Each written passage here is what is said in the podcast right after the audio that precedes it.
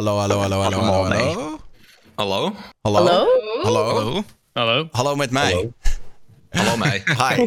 Eh, het is zondagavond. Het is even over negen. En eh, daar zijn we weer met een nieuwe editie van de Twitch Talkshow. Ik ehm, heb het format nog steeds niet veranderd. Iedereen is even belangrijk. We praten over van alles en nog wat.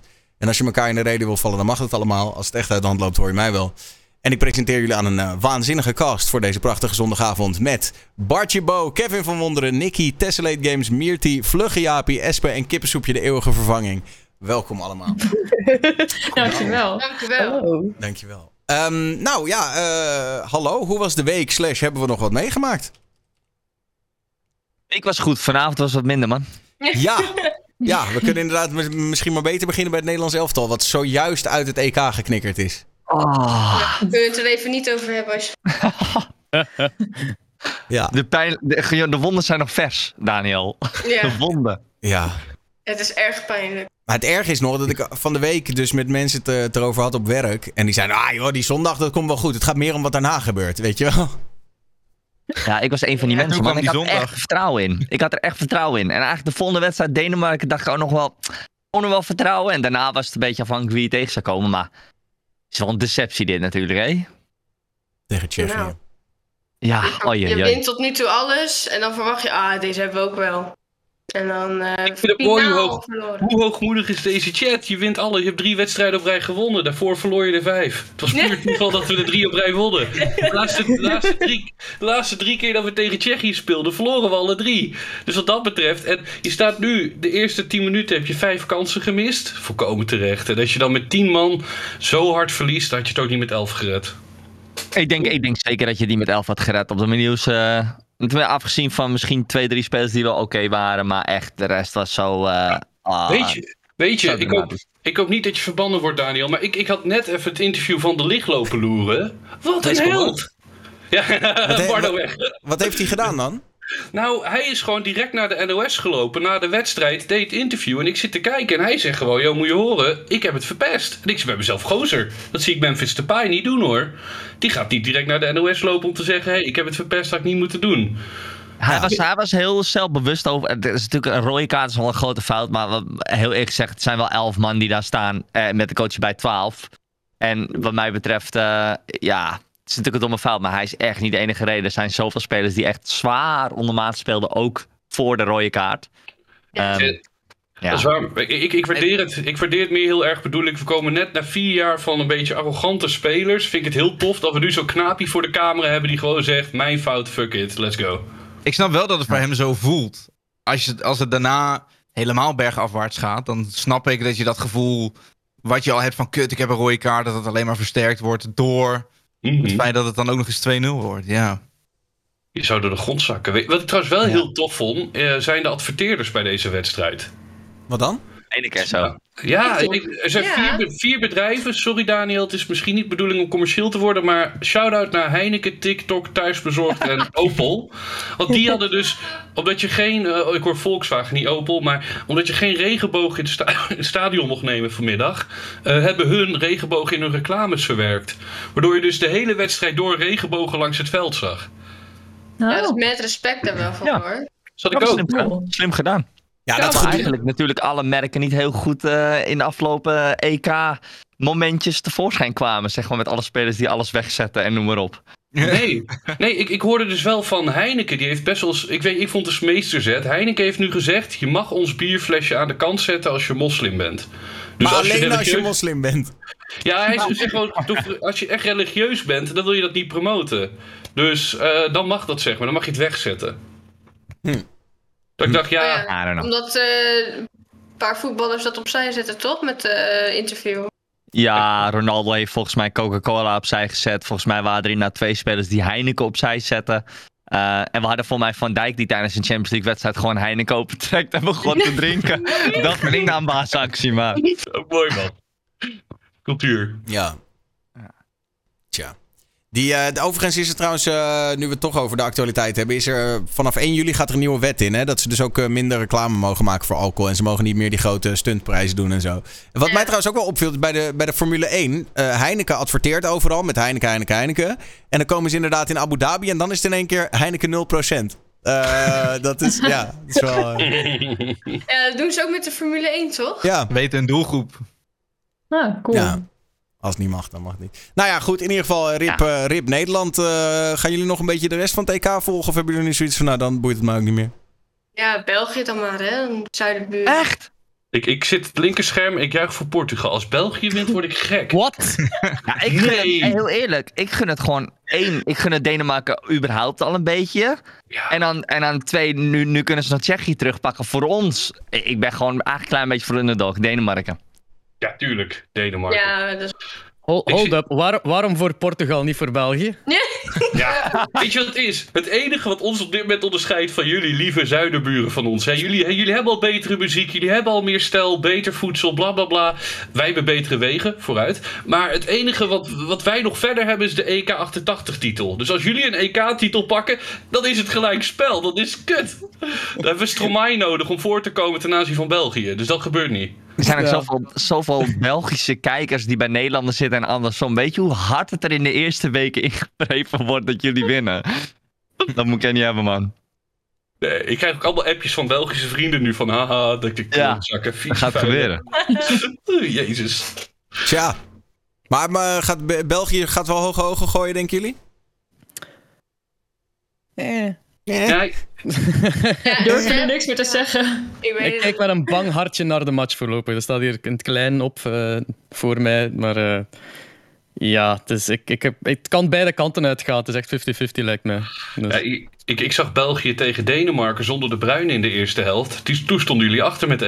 Dus Mhm. mm. Ja, we zijn niet altijd op en top. eh. Ja, ik, ik, ik denk als ik echt eerlijk kijk naar hoe de teams spelen. Frankrijk was natuurlijk eigenlijk een beetje de favoriet in verband met het team en zo. Maar eigenlijk vind ik Frankrijk niet heel overtuigend tot nu toe. Behalve afgezien van een paar spelers. Maar echt, ik, ik, ik, eh, ik denk dat Italië hem gaat pakken. Dat Dat hoor denk ik ik. van veel mensen, ja. Maar Ja. zou, het- zou het niet mooi zijn als we hem gewoon een keer naar Engeland geven? De koningen van het voetbal ooit een keer naar Engeland. Ja, ik weet het niet. Engeland gun ik het eigenlijk gewoon ook niet. Ja, het is nu wel, eh, voor de mensen die het niet weten, de halve finale en de finale worden gespeeld op Wembley, Londen. Dus als Engeland daar komt, spelen ze alles thuis. Ja. Dat is ook wel een beetje oneerlijk dan, als het, als het inderdaad zover komt. Ja, klopt. Maar ja, dat is, UEFA heeft zo, eh, van de zeven wedstrijden hoeft eh, Engeland er maar eentje niet in Engeland te spelen. De rest is allemaal. Hm. Dus Ja, het is een beetje de vraag ook inderdaad met het reizen. Want Engeland is natuurlijk nog steeds wel redelijk volgens mij eh, met streng met, met in- en uitreizen. Dus dan, dan maken ze het wel heel oneerlijk, zeg maar, als ze naar de finale spelen. Als ze gewoon niemand toelaten van het buitenland. hebben ze gewoon echt een thuiswedstrijd. Ja, Ja, dat niet alleen. Gewoon ook echt geen eh, ander publiek. Ja. Maar ja, Ja. gelukkig, de, de Engelse hooligans staan bekend om hun warme knuffels en fijne taal. Dus hè, daar maak ik me geen zorgen om. Ja, daarbij, volgens mij die. Engelsen die zijn zo erg als ze, eh, die, die, die support, supporten hun eigen club alleen maar als ze winnen. Dus wat dat betreft, eh, die, kunnen, die, kunnen, die kunnen ook zo in één, keer, in één keer omdraaien en hun eigen spelers uitschelden, heb ik, heb ik het vermoeden. Ja, ik, ik, heb zo die, ik heb zo het idee van er komen elf spelers het veld op en er komen veertien stukjes het veld af. Door de Engelsen. Ik denk, hmm, dat is niet goed. Hey, ehm, even terug naar de vraag, hoe was de week slash, eh, hebben we nog wat meegemaakt? Behalve het EK en eh, de sadness. Ik heb het voor elkaar gekregen om eindelijk een PlayStation 5 te bestellen. Na twee maanden een poging gedaan te hebben. Je hem ook krijgen? Ja, nee, ik heb hem wel betaald. Maar eh, het was wel. eh, helaas. Ik ik- zeg maar. Wil je niet helemaal maken, maar ik hoor vaker dat mensen hem bestellen. En dan in één keer na een week of zo, of na twee dagen krijgen van... Oh ja, shit, we hebben er te veel verkocht. We krijgen er te weinig binnen. En dan, Ja, daar was ik ook bang voor. Maar ik heb hem inmiddels binnen. Dus eh, het, Nice. is, het is toch echt gelukt. Ja, Nice. Nee. ja het was moeilijk. Lekker. Maar ja, Cool. Ja. Dus nu op de planning, Ratchet Clank. ja sowieso. En dan, daarna is het op. Dan moet je wachten. Ja, nou, ik wil Returnal ook wel heel graag spelen. Hmm. En eh, ja. Maar goed, ja, sowieso had ik een PlayStation 4 Slim. Dus alle spelletjes die ik daarop kon spelen waren best wel lage kwaliteit in vergelijking met dit. Dus het is sowieso een verbetering. Ja, Ja, Er zijn ook wel wat oudere spellen die je misschien eh, even erin kan gooien, toch? Ik bedoel, ja daarom, precies. Ja, alles draait Ja. wel beter op dat ding, toch? Zeker. Veel minder. Sowieso klinkt het ook niet meer of hij opstijgt nu. Dus dat is ook wel gewoon. eh, Wel even. Je moet je huis wel weer zelf stofzuigen. Dat is wel altijd een nadeel. Maar, ja. Ja, dat is jammer. Nee, ik heb een robotstofzuiger, dus... Oh, ook dat nog. ja, joh. ook dat nou. nog. Ik heb het helemaal voor elkaar. Luxe. Ja, Lekker, zeker. Nee, ja, eh, om eh, Ja. de- deze week. Ja, ik. ehm, ja, de versoepelingen die, eh, die zijn iets doorgevoerd natuurlijk. Ik neem aan dat dat ook vast nog wel een onderwerp is. Maar eh, daardoor een nachtje weg geweest. Wij waren altijd heel streng. En zijn nog steeds wel streng hoor. In gewoon het opvolgen. Of het nou goed of slecht is. Of wat dan ook. Eh, we luisteren eigenlijk iets te goed soms naar de maatregelen. Dus eh, ja, nu eindelijk een nachtje weg geweest. Weer sinds, nou ja, dat het begon. Ja. En dat beviel eigenlijk best wel heel goed. Ja, was lekker. Ik zag Jawel, ja. Ja, zeker ook eh, omdat natuurlijk in de tussentijd de kleine erbij is gekomen. Dat vreet ook veel energie. En dan ook al niet op vakantie kunnen. En dan, nou ja, goed, nu dan. Het is maar een nachtje. Maar ehm, ja, toch. Het voelde wel eh, ja, een soort van bevrijdend of zo. Het had wel een soort van andere lading dat dat weer mocht en kon. En met niet overal meer een mondkapje. En weer wat comfortabeler eten. Überhaupt uit eten. Dat soort dingen. Dat, eh, ja, ik vond het echt, echt fijn. Dat was echt, was echt top. Ik zag Dat veel een beetje- feestende mensen, man. Ik heb veel. eh, ik volg hier en daar een aantal DJ's. eh, en, en, en volgens mij waren er weer de eerste optredentjes eh zover.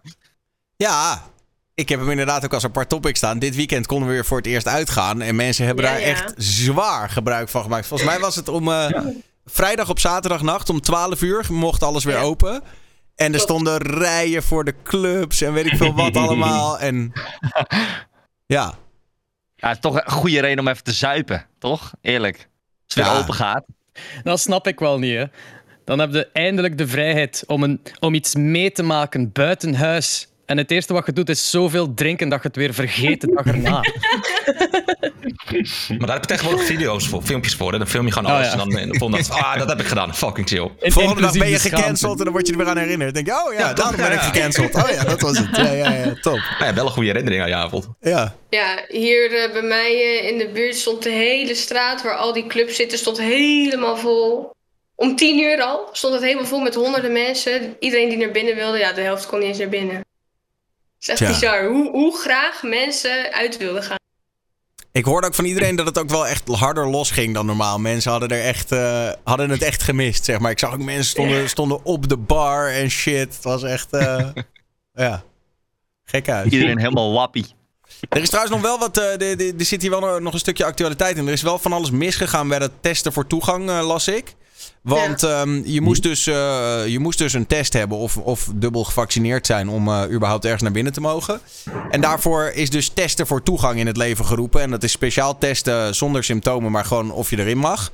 Dat wordt vergoed door de overheid, dus dat is op zich nice. Alleen ehm, bij die locaties waren sowieso al hele lange rijen afgelopen vrijdag. Nou, was dat nog niet het ergste, maar veel mensen kregen hun uitslag niet op tijd. En toen zijn er dus mensen zijn naar dat, eh, die testlocatie teruggegaan.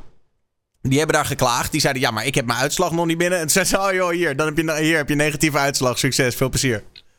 Wat? Ja. What the fuck? Ja. Je was Oké. toch wel een dat klein beetje te weer? verwachten gewoon, toch? Dat als je ze, iedereen weer los laat gaan, dat van alles fout gaat. En iedereen denkt, ah, wat maakt het ook uit? Laten we gewoon feesten met z'n Oplossing bedenken. Ja, oplossing En ah, mensen schijnen ook massaal die eh, QR-codes eh, gescreenshot te hebben en naar elkaar te hebben doorgestuurd. Zodat ze gewoon die, die QR-code konden laten zien en dan... Ja, Ja, dat is niet het punt. Als die, als die niet maar eenmalig gebruikt kan worden, dan, dan, ja, dan kan één iemand zich even laten testen in de ochtend en de rest Maar- gewoon even die, die, die QR-code doen.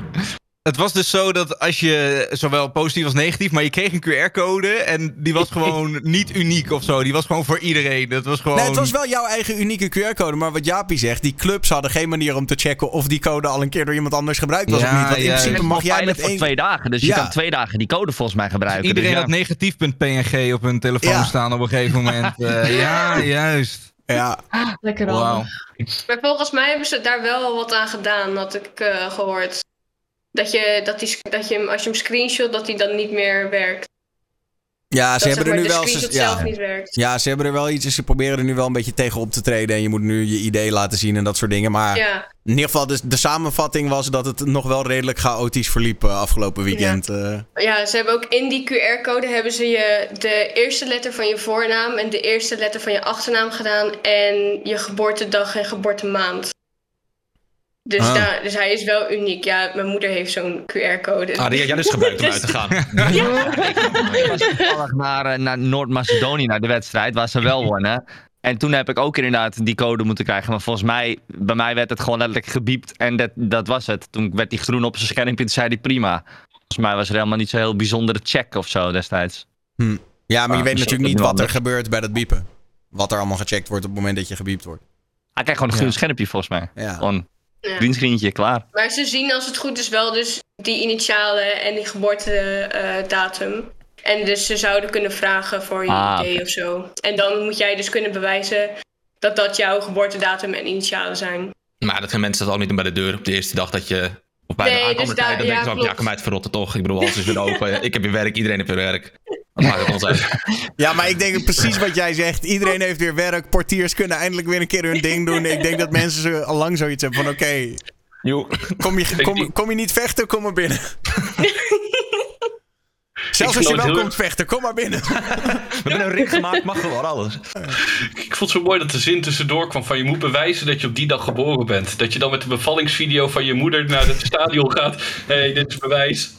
Kun je lekker samen die video kijken. Getuigen mee. Ja, ik heb het ook gezien. ja. Ja, Ja, dat was een goeie. Papa erbij.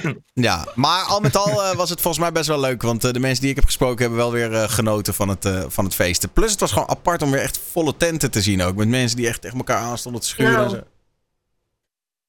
Ik vind het heel raar voelen gewoon nog of zo. Omdat het ineens zijn al die maatregelen weg. Ik, en dan mensen gaan je weer aanraken. Ik, hmm. Ik moet daar even aan wennen. Ah. Vroeger, dat je, alleen al. meteen weer, wordt meteen weer Ja. betast in de club af. Dat was zo, zo goed. Dat heb ik echt gemist. Nou, ik snap het wel. Dat heb ik zelf ook. Ik liep, eh, eh, wanneer was dat? Afgelopen zaterdag liep ik eh, de bakker in eh, om een broodje te halen, natuurlijk. Bij, maar met mondkapje op. Dat ik echt niemand met mondkapje zag, behalve ik. Dat ik dacht, oh ja, dat is helemaal niet meer nodig. joh. Ik kan hem eigenlijk afdoen. Dat, eh, Het Ja. zit er nu zo in dat het inderdaad heel gek... Dat had ik ook, dat het gek oogt wanneer je er niet meer aan hoeft te houden. Nou ja, in, in, eh, in Hilversum was het echt van de ene. Ik bedoel, Hilversum was redelijk streng en iedereen hield zich eraan. En ik was zeg maar. Vorige week was ik in de supermarkt. Overal mondkapjes. En ik was eh, eh, zaterdag in de supermarkt. De dag dat het niet meer hoefde. Niemand had meer zo'n ding. Ja, één Ja. iemand ergens achter in de hoek van de supermarkt. Dit had ik dus precies hetzelfde. Ik ging ook inderdaad de zaterdag of zo, of de zondag ging ik inderdaad even de stad in. Niet normaal. Ik dacht echt van, wat the... Dit is zo'n ver, nou, zo'n verschil. Mega druk ook echt. Iedereen jullie ging lekker shoppen. Dus dat jullie nu zeggen. Ja, ik heb bizar. boodschappen gedaan. Het viel me niet eens op dat ze niet op hadden. Tot jullie het nu zeggen, denk ik. Oh ja, wacht. Ja. Mensen Ja. hadden- ik stond aan het praten met mijn mondkapje. Maar gaan jullie ophouden nu? Of denken jullie ook allemaal... Laat maar Ja, zitten. ik vind heel eerlijk, ik vind het mondkapje, zeker als het zo warm weer is, ik vind het niet heel chill altijd. Dus eh, als ik hem kan skippen. Nee. Alleen, ik moet je wel zeggen dat. Ik denk dat ik er wel één in de auto hou voor bepaalde gelegenheden. Weet je, als je ergens komt en, en mensen staan te dicht op je of zo, dat ik dan toch zoiets heb van: weet je wat, ik zet hem gewoon op als een soort van laat mij met rust. Maar bijvoorbeeld in de supermarkt, ga je hem dan wel of niet opdoen? Als je naar de supermarkt gaat? Nee, Simpel supermarkt niet meer, denk ik. Nee. Ja, Ik denk sowieso misschien openbare wel. plekken zou ik het ook niet zo snel doen. Maar misschien wel echt als je... Zeg maar, ik werk dan als fysio eh, gewoon nog. Ja, dan, dan zeg maar, met patiëntcontact zou ik het nog wel doen. Omdat ik er gewoon dichtbij kom. Maar openbare plekken doe ik het niet meer. Maar Nee, in ja. het OV is het nog wel nodig, toch? Ja, Klopt. daar, moet, Ja. je- daar is nog wel verplicht. Volgens mij is dat ook de enige plek nog, stations Ja. en... Ja, en eh, voortgezet onderwijs eh, uit mijn hoofd, toch? Oh, Oh. Ja, ik- ja, ja. Ja, ik zou denk ik in het ziekenhuis, als ik bijvoorbeeld naar het ziekenhuis ga, dan wel of zo, weet je wel. Maar ja. Oh, ik, Ja. was, ik was woensdag in het ziekenhuis en dat was echt... Ik was sinds die hele crisis nog niet in het ziekenhuis geweest, maar je moest echt door zo'n soort dis- desinfectieslurf, weet je wel. Het voelde Oh, echt ja? alsof ik het vliegtuig inging. En eh, formulieren invullen. Was het maar- en, eh, Feest. ja, het was echt dat ik dacht, oh, oké, dat is eh, oh, het andere uiterste. Anders. Ja, Tja. Ik kan Ja. denk ik nog wel gewoon op. Ik bedoel niet dat ik vaak buiten kom, maar ik denk dat ik wel... Als ik naar buiten ga, dat ik hem wel gewoon netjes ophoud in de supermarkt en zo. En waarom? ja. Ja, misschien zeg ik dat nu wel van, oh, dat doe ik wel. En dan over twee weken denk ik, pff, Ja, ik denk dat het gewoon een gevoelsding is, Ja. toch? Of niet? voor mijn gevoel heb ik nu weg. Want dan denk ik van, nou, nu nog wel even. En dan vanzelf appt het wel af, denk ik. Ik heb wel het gevoel dat als je nu nog, zeg maar, wat voor reden je er ook voor hebt. Maar stel je, je hebt nu zoiets van, nou, ik, eh, ik voel me er nog niet helemaal comfortabel bij. Ik hou mijn mondkapje op. Heb ik wel het gevoel dat je daar om, eh, om geharasst gaat worden. Dat er echt wel mensen zullen zijn eh, die daar wat van zeggen. Mensen zijn zo fel Oh, anti. Ja, Ja, het is niet meer nodig, hallo. Dat is niet meer nodig. Wow, Dat, dat heb ik wel het gevoel alsof dat nu in één keer heel erg gaat exploderen. Nou ja. Ehm, even iets heel anders. Gewoon even een Twitch topic hier tussendoor. Een donation goal voor een nieuwe PC. Zou je dat doen? Ja. Ik heb Hell het yeah. zelfs gedaan al, dus ja. Daarom heb ik nu een fucking lekkere kast beneden staan, dus ik vind het helemaal mooi. Ik las volgens mij ergens, was het, er is zo'n eh, zo'n Twitch subreddit waar, eh, waar mensen bij elkaar komen om een beetje advies te vragen en zo. En volgens mij was daar ook dit de vraag van, joh, een donation goal voor een nieuwe PC. En toen waren er, wa- waren er twee kampen eigenlijk. Eén kamp die zei, joh, gewoon doen, lekker veel plezier ermee. En het andere kamp was, eh, ja, het komt wel een beetje bedelend eh, over. En eh, als mensen je willen supporten, donation goal is toch gewoon puur... Een donation goal kan je toch instellen wat je zelf wil. Daar, daar, en dan, als mensen het je gunnen daarvoor... dan is het toch al fijn, zou ik denken. Mhm. En, een- en, een- een goede PC kan je misschien zelfs nog beter op streamen. Of je kan eh, misschien eh, net wat eh, vloeiende dingen uitvoeren. I don't know. Ja, exactly. Ik bedoel, Ja. Een donation goal die ter voordele is van de stream. En het is even open als een geboortelijst. Dus dat staat ook altijd op zo'n dat kaartje. Maar dat is nooit verplicht om geef iets voor mijn baby. Maar eerder van als je dat wilt, dan kun je dat doen. Hetzelfde met een donation goal voor een PC. Dat is echt van als je wilt bijdragen aan de stream, kan dit. Staat volledig vrij. Het komt natuurlijk bedelend over. Dat is altijd met een donation goal. Maar het is als je een donation goal gaat beginnen gebruiken eh, voor je persoonlijke doeleinden. Van eh, ja, ik. eh, ik wil mijn vliegtuig betalen. betalen naar mijn volgende reis. Ja, oké, dan hold, the- hold your fucking horses. eh, ja. waarom zou je dat niet mogen dan? Ik bedoel, Ja, waarom is dat zo de anders? Ja, geld willen dokken. Ja, I don't know. Als, als, je, als je gewoon scheid hebt en jouw kijkers willen dat... eh, die zeggen, nou, ik gun jou een lekkere wintersportvakantie. En je neemt ze gewoon mee. I don't know, in een vlog. Ja, maar dat wordt niet dus mee. gedaan, Ik hè? zou ze achterlaten, dus joh. Ben je er eigenlijk meegenomen. weer af? Ben je op vakantie? dan Je ga moet, je gewoon alsnog alles, mee, je joh. moet gewoon alles een IRL-stream noemen. Dan kan het opeens. Hé, hey, luister, IRL op de Bahama's, jongens. Let's go. Maar mijn, eh, mijn PC crasht dus echt vier keer per stream of zo. Dus toen dacht ik, ja, kut. Dan moet ik telkens opnieuw beginnen. Iedereen heeft last. Ik zei, nou ja, nieuwe donation goal voor een nieuwe PC. Toen zijn mensen zo aardig geweest om te gunnen. Nou ja, en nu kan ik weer lekker doorstreamen wat ik wil. Ja, maar dat is het. Als het zeg maar richting de stream gaat om het stream te verbeteren, dan vind ik het geen probleem. Maar het, het gaat erom dat mensen het heel erg gebruiken voor hun eigen gewinsten.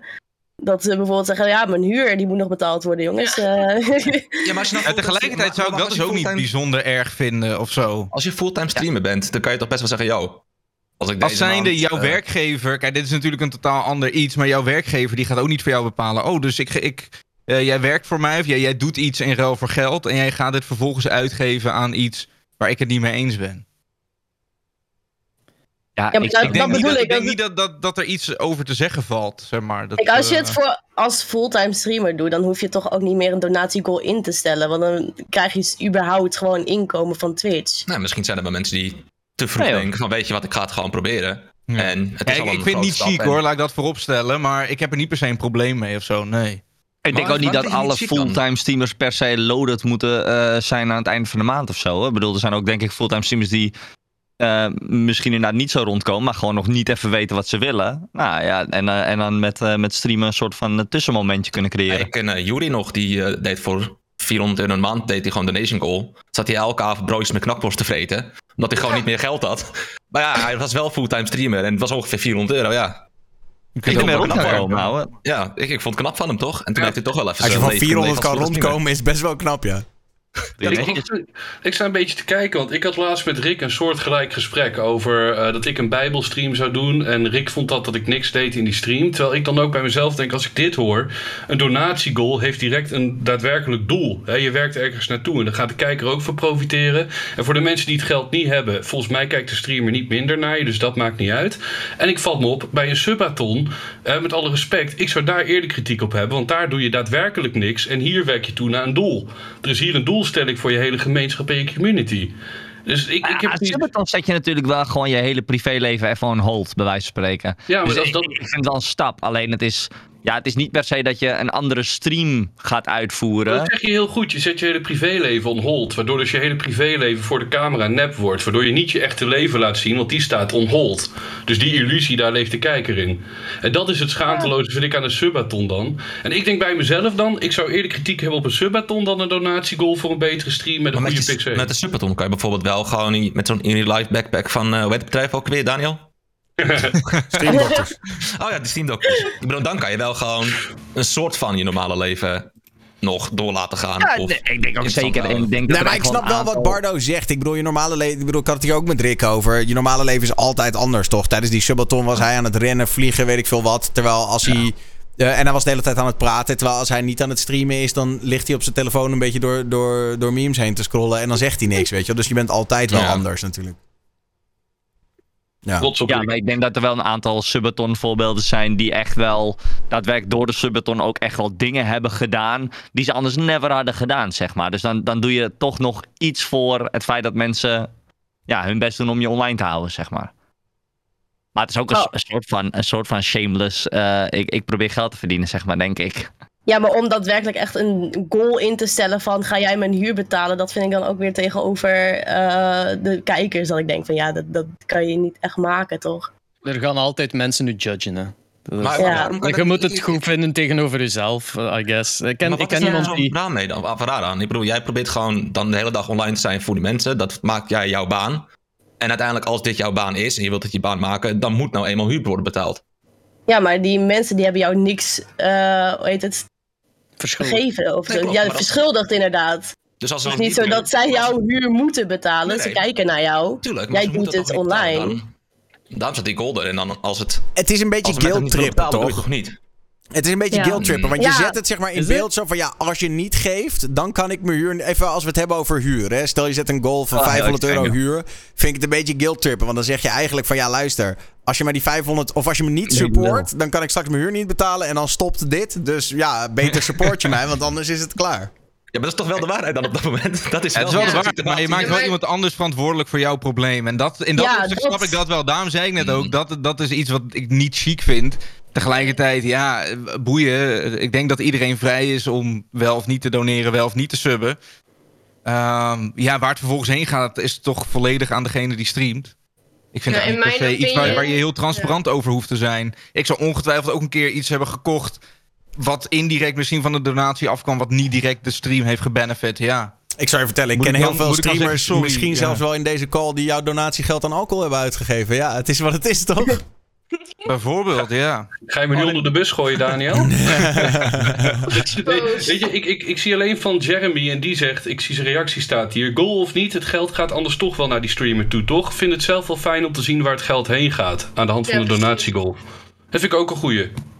Ja. Dat je gewoon Maar wel tot een certain extent, toch? Maar ik vind het sowieso dat je gewoon eh, zo een stabiele basis moet hebben. Dat je bijvoorbeeld al je huur kan betalen, et cetera. En dan niet mensen moet guilt-trippen in dat hetgene van jouw privéleven, zeg maar, maar wat, stel je voor, je kan leven van streamen. Ja. En dan, nou, dan heb je geen donation goal, want eh, dat hoeft niet, want je hebt net genoeg om rond te komen als huur. En op een gegeven moment is je per se kapot. En dan denk je, kut, en nu? En dan zet je een donation goal op van, yo, ik heb extra geld nodig, want De PC's. Ja, maar dat, Ja. dat is indirect, helpt het ook de stream. Want dan kan je gewoon weer streamen. Daar gaat het om. Dat je gewoon die content kan leveren. Maar het gaat er niet om dat jij je dingen voor eigen gewinsten. Dat vind ik, dat, dat vind ik in mijn hoofd een beetje raar. Maar, ja, ja, ja, denk ik. Het is altijd een, een, een persoonlijke keuze, denk ik, met donation goals of subathons of dat soort dingen. Het is allemaal van, ja, wat vind je het zelf eh, dat, het, dat, het, eh, dat het kan of niet? Ja, als jij vindt dat je je, je, ja, je huren een donation goal moet maken, ja, als je kijkers dat prima vinden. Ja, ik denk Ja. dat het mooie verschil is. Kijk, eh, tenminste, daar zit voor mij het verschil in. Ehm Karim en Suus, die streamen inmiddels niet meer. Maar die hadden eh, regelmatig hadden zij een, eh, een thema-stream... waarbij ze ook naar het buitenland gingen.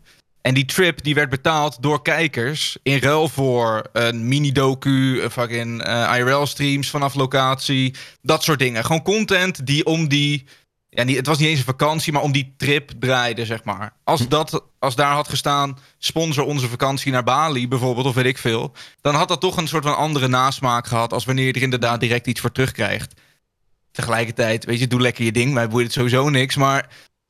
Ik snap inderdaad wel wat je bedoelt, eh Mirti. Ja, En dan doe je Dus er heel terug voor je community, omdat je dan zegt, ik maak een foto. exact ik- dat. Ja. vlog precies. of wat dan. Dan doe je echt iets terug voor de mensen die eigenlijk bij wijze van spreken jou die mogelijkheid geven. Maar dat is natuurlijk in het, in het geval van een, een, een huur of wat dan ook. Ja, dan is het wel een beetje guilt trippen. Iets meer dan ik ga een vakantie doen en ik laat jullie alles zien. Ja, het precies. het, het- ja. je levert dan de content, lijkt mij. Want als jij dan op de Maar het gaat om het hele gebeuren dat je op vakantie gaat en het livestreamt of eh filmt of weet ik veel wat. Dat, dat is de content. Ja, dus maar dan snap ik dat je dat... de content. Streamen kan toch niet als je geen, niet genoeg geld hebt voor, voor je huur. Want dan word je op straat gegooid en dan kan je niet meer streamen. Dus in principe, Ja, maar dat maar is niet jij- hun schuld dat jij dan niet je huur kan betalen. Dat is niet de schuld van jouw kijkers. dat zeg ik ook niet. Maar daarom vind Nee, dus daarom moeten zij dan voor jou moeten betalen. Want je Nou, kan ook ergens anders ze- wonen. Maar als ze het willen... Je ja, kan ook gewoon een echte dat baan nemen. Ja, als jij een fulltime streamer bent en jij, jouw huur hangt af van de donaties, dan ben jij geen fulltime streamer. Als jij die doel niet kan halen, dan moet jij wat aan anders doen om dat wel te behalen. Maar dat vind ik sowieso een beetje een soort het eeuwige kip en het ei verhaal. Want je je hoort vaak toch van... eh, ik heb het idee dat er, dat er best wel veel mensen zijn die denken dat ze kunnen beslissen wanneer ze fulltime streamer zijn. Dat wilde ik net zeggen. Maar dat Ja. wordt voor jou besloten, toch? Als in, Ja. jij kan wel zeggen van, nou, ik verdien op dit moment 50 euro in de maand met streamen, maar vanaf nu ben ik fulltime streamer. En nou gaan we het doen en ik ga er gewoon de hele week aan zitten en eh, nou, nou ben ik fulltime streamer. Maar, ja, dat is het. Fulltime streamer wordt niet bepaald met wat je verdient. Fulltime streamer wordt bepaald doordat je zegt: Oké, ik ga alles laten liggen, want ik ga gewoon al mijn tijd spenderen aan het streamen. Ja, maar ik dat bedoel- maakt niet uit of je 1000 euro verdient, 5000 euro of 10.000 euro. Als jij zegt: Ik ben fulltime streamer en je gaat gewoon. Ja, maar ik bedoel meer zo van, live, oké. ben je fulltime streamer. dan ben je iemand die veel aan het streamen is, maar dan inderdaad, dan ben je nog niet per se een succesvolle streamer, toch? Ik denk zelf dat je het beter andersom kan doen. Dat je beter gewoon niet alles aan de kant kan zetten voor het streamen. Gewoon rustig ermee kan beginnen. En als je ziet dat het Ja. begint te exploderen, dat je dan in één keer denkt: oh wacht.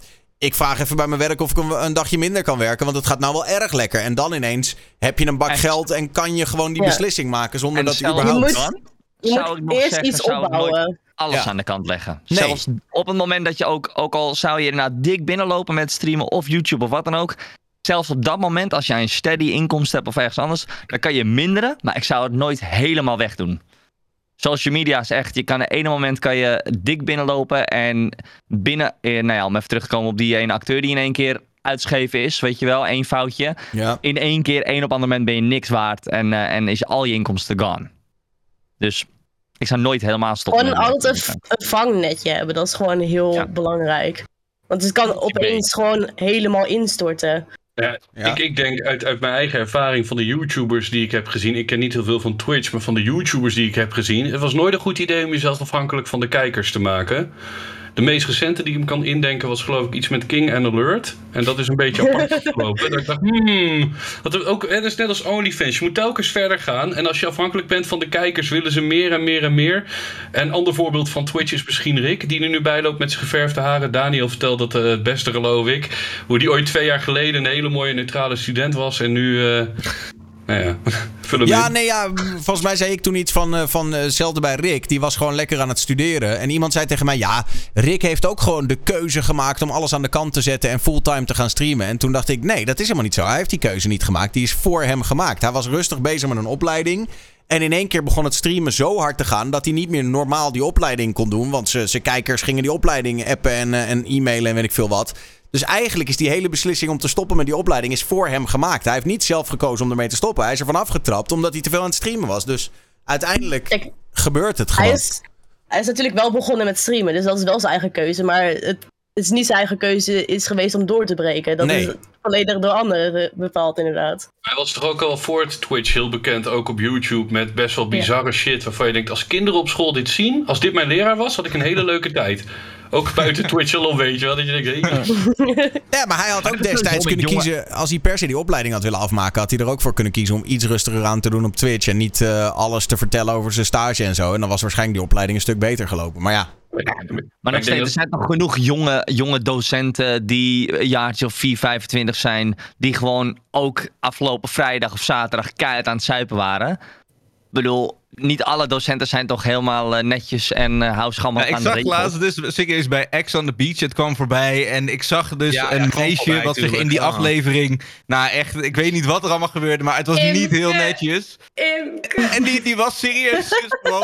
Of ze deed een opleiding, of ze was het al, maar docenten. Nee, dat ik denk Ze van... doet een Dit docentopleiding. kan niet ja. meer, dit gaat niet meer. Je bent echt letterlijk op tv, echt door iedereen in dat huis, gewoon helemaal aan het flarden gescheurd. En dan vervolgens ga je twee weken daarna, Ga je een soort van in de klas staan, ja jongens, pagina 38. Fuck off, man. Nee, nee, nee. Nou, ik ken toevallig een docent. Ik ken toevallig iemand. En, en, en die, die zei ook al van ja, dan op helemaal stond Lazarus. En dan kom je dus een van de ouders tegen. Van jou, jou ja, van, de, van het kind bij jou op school waar je gewoon letterlijk de, hoe noem je dat, eh, echt, echt niet, niet alleen de docent, maar gewoon echt dat je moet begeleiden, weet je wel. En dan sta je met bezopen voor die ouders sta je. Dan kan, dan, bij het eerste gesprek kunnen ze je niet meer aankijken, denk ik. Maar de leerlingen gaan toch wel beter opletten als die, dat meisje, ik weet niet wie dat is, gewoon zegt van oké, eh, scheur je boek open op, zoals ik ben opengescheurd. En iedereen gaat dat effectief wel doen. Spreid je boek op pagina 69. Mijn god. Ja. Oké. Ik heb wel een doorpakonderwerp hierop. Want ehm, we zijn allemaal bekend met de hot tub meta. Eh, daarna kwam natuurlijk de ASMR earlicking meta. Nou, dat ging iets te ver. Eh, Maar nu is daar, hou jullie vast, ehm skippyball meta. My stream. Oh. Ik heb vanmiddag zelf even een clipje opgenomen. Anya, thank you very much. Thank you. Thank you. Oh mijn god. Oh, matters. Thank you for one gift shop. Hé, ik heb zo'n bal. Het enige wat mij opvalt zijn die Hey, standaard kan dus gewoon eh, filmen, Okay, blijkbaar. let's Dit soort go. dingen. Kan gewoon gefilmd worden. Zie ik daar nou Daniel Lippen sub? Ja, ik, kreeg, ik kreeg een gift sub van Los met Tos. Ik zei, ik ben een clipje aan het opnemen voor de talkshow Oh, vanavond. ja. En toen dacht hij, ik eh, maak van het moment gebruik. Ja, wel ja, gekregen. Dus jij hebt nu ook de skippyball emotes. Ja, Nice. maar... eh please discuss. Ja, what the fuck?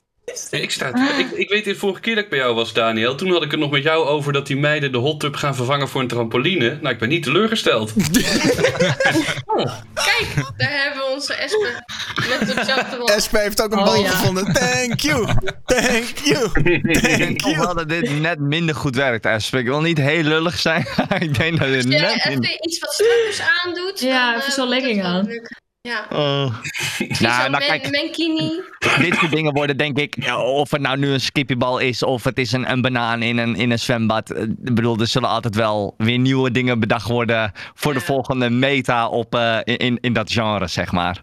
Ja, inderdaad. Het is gewoon weer hetzelfde, maar dan net een ander format. het is wel creatief gevonden, dat moet ik Ja, altijd ik, zeggen. ik- ik bedoel, eh, ik, ik, heb, ik heb inmiddels volgens mij clips gezien van vrouwen die, ehm, die een soort van stoel bereiden als, als paardrijtraining. Ik heb bananen gezien, skippyballen. nou ja, ik ben benieuwd wat de volgende is, man. Dat wel. Nou, ik ga even naar de bol.com. Kijk of ze er... Ik vraag me af of je hier ook nog wat aan hebt, zeg maar. Of dit ook gewoon meteen je billen traint als je hierop zit. Kijk, dat heb je in de hot tub niet. Dat is gewoon relaxed. Dit is nog een soort van Ik sport. kan wel zeggen, en, en eh, ja, die- dit is enigszins een training. Ze gaat met redelijke snelheid. Ja, Dus toch? reken maar hamstring, eh gluteus, bilspieren, bovenspieren. is echt wel aan het trainen. En echt wel core stability. Want elke keer als je neerkomt, moet je toch dat stabiliseren. Ik zeg, eh, het is gewoon, eh, ja, gewoon goede training. Olympische Spelen. Moet het Sowieso. Ik, ik heb eh, vanmiddag even pu- puur eh, neutraal onderzoek gedaan natuurlijk. En toen kwam ik erachter dat ze dus even later ook echt met een gewicht van 10 kilo squats doet. Dus ja, het is wel degelijk. Kan je dit zien als eh, sport?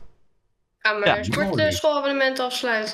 Maar even, even goed, ik, bedoel, ik, eh, ik weet dat we het er inmiddels iedere week over hebben. Maar de concrete vraag is natuurlijk: eh, moet zo iemand worden aangesproken van joh, je, je, je maakt het net iets te eh, iets too much voor Twitch? Of moet het gewoon kunnen?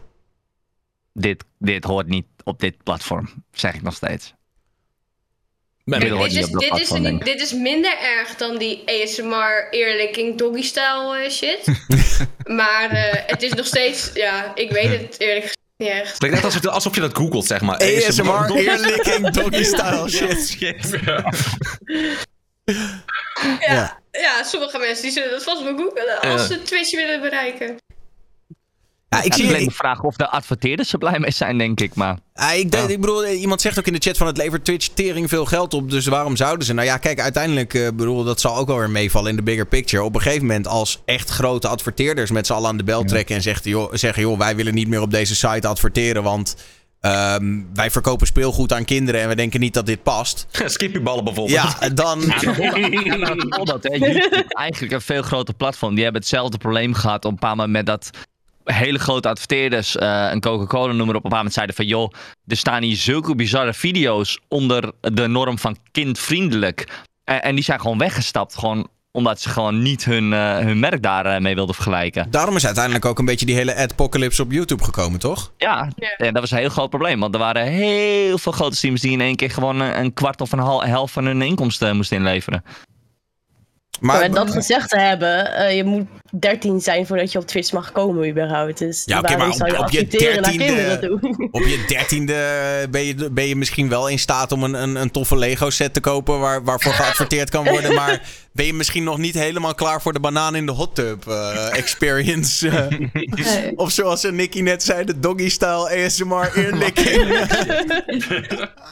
Ja, ik moet zeggen dat, dat ik denk dat 13, je bent niet heel onschuldig, maar ja, wie, wie doet echt de tests voor het feit dat ze 13 zijn? Er is Dat, letterlijk volgens mij niemand die daar naar Nee. kijkt. nee, Überhaupt. Van eh, nee, dat denk ik ook niet. naar accounts kijken, naar hoe de leeftijd... Nee, die agegate op Twitch werkt niet heel goed inderdaad. Er is gewoon geen Maar ja. controle. Volgens mij hoef je nog steeds geen in één keer je idee of wat dan ook. Je hoeft je nooit te, te, te laten zien wie je echt bent. Dus wat dat betreft. Volgens mij heeft België... Speelt België ondertussen. Oh. Hey. Misschien. Wel lekker doelpuntje trouwens. Lekker hoor. Dat wist ik niet eens dat België allemaal gewoon fucking. Zitten je allemaal gewoon voetbal te Ja, ik kijken heb het hier? ook gewoon aanstaan, ja. Ja, ben ik de enige met mijn scherm hier uit? Zitten jullie allemaal voetbal te kijken? Ehm, Heeft iedereen het aan, ja? ja, Ja, nou de ja, chat goed. is ook aan het kijken, zo te zien. Het mag, het mag. Het is, het is ook eh, het EK nog even. En ik bedoel, we moeten toch iets hebben om, eh, om nog een beetje aan vast te klampen nu dat... nou ja, goed. Anyways. Ja, we hebben snel geschakeld, ja. Ehm, dit is een, eh, een eh, ongoing eh, ding. Het hele, weet je wel, de, de hot tubs en zo. Amurant en Indiefox zijn nu geunband. En die zijn nu een beetje hun oude trucjes aan het herhalen. En vast komt er binnenkort alweer wat nieuws. Ik weet niet of zij ook een uh, skippybal hebben besteld. Ehm, maar een ander ding waar heel veel streamers zich nu zorgen over maken... is het gokken. Ehm, en eh, dat eigenlijk gokken wordt al langer gedaan op Twitch. En, en vooral door unpartnered streamers die gewoon lekker gokken en die doen hun ding. En er wordt niet zo naar omgekeken. Maar nu zijn ook de grote partnered streamers het gaan doen. En dan heb ik het over XQC en Trainwrecks TV. En eh Trainwrecks die, die is dat gaan doen. En die heeft er op een gegeven moment blijkbaar gezeik mee gehad. ehm, met de goksite of zo. En eh, toen hebben ze gezegd: ja, jij kan niet vanuit Amerika op deze goksite spelen. Want dan ben je het aan het promoten. En toen heeft Trainwrecks eigenlijk van de een op de andere dag gezegd. Oké, dan verhuis ik toch naar Canada. En dat heeft hij nu gedaan. En nu zit hij in? Canada te gokken. Ja, ja eh dus Trainwrecks, eh, als je naar zijn zijn laatste streams gaat, eh, dan, dan zie je dus ook dat hij in één keer in een of ander ziek Canadees appartement zit met een skyline erachter. Ehm, Ja, wat ik niet snap is in Nederland is het volgens mij. Want je hebt zo'n optie dat je ook ehm, bepaalde dingen kan opstarten. Van hey, eh, denk je dat ik de aankomende game ga winnen of wat dan ook? En dat is volgens mij in Nederland niet toegestaan, die optie. Nee, klopt. nee, dat klopt. Mag Omdat eh, niet. Europese regelgeving eh, noemt dat eh, gokken. Dus eh, vandaar maar dat maar dat ik, ik weet wel, zeg maar, er zijn volgens mij een aantal Nederlandse streamers die dat wel doen, toch? Gokken? Ja, en officieel gezien eh, ligt dat gevoelig. Omdat je in Nederland niet echt reclame mag maken voor gokken. Als het niet van Holland Casino of van eh, de overheid is. Ja. Dus ja, daar zou ik. Ik Maar weet dat wordt gewoon bijvoorbeeld. niet op, op, eh, op uitgevoerd, zeg maar. Nou dat ja, wordt ik- niet streng op geweest. Ik weet dat we hebben eh, Lex Veldhuis in Nederland, een van onze grootste pokerstreamers. Die kiest er bewust voor om nooit iets in het Nederlands te doen. Want hij wil niet dat mensen kunnen zeggen dat hij zijn content richt op Nederland. Wat ook niet zo is trouwens. Hè? Maar hij kiest er bewust voor. Ik doe alles in het Engels. Ik richt het op Amerikanen. Ik ben niet gokken aan het promoten naar Nederlanders.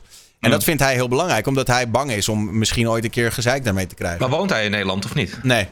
Oké.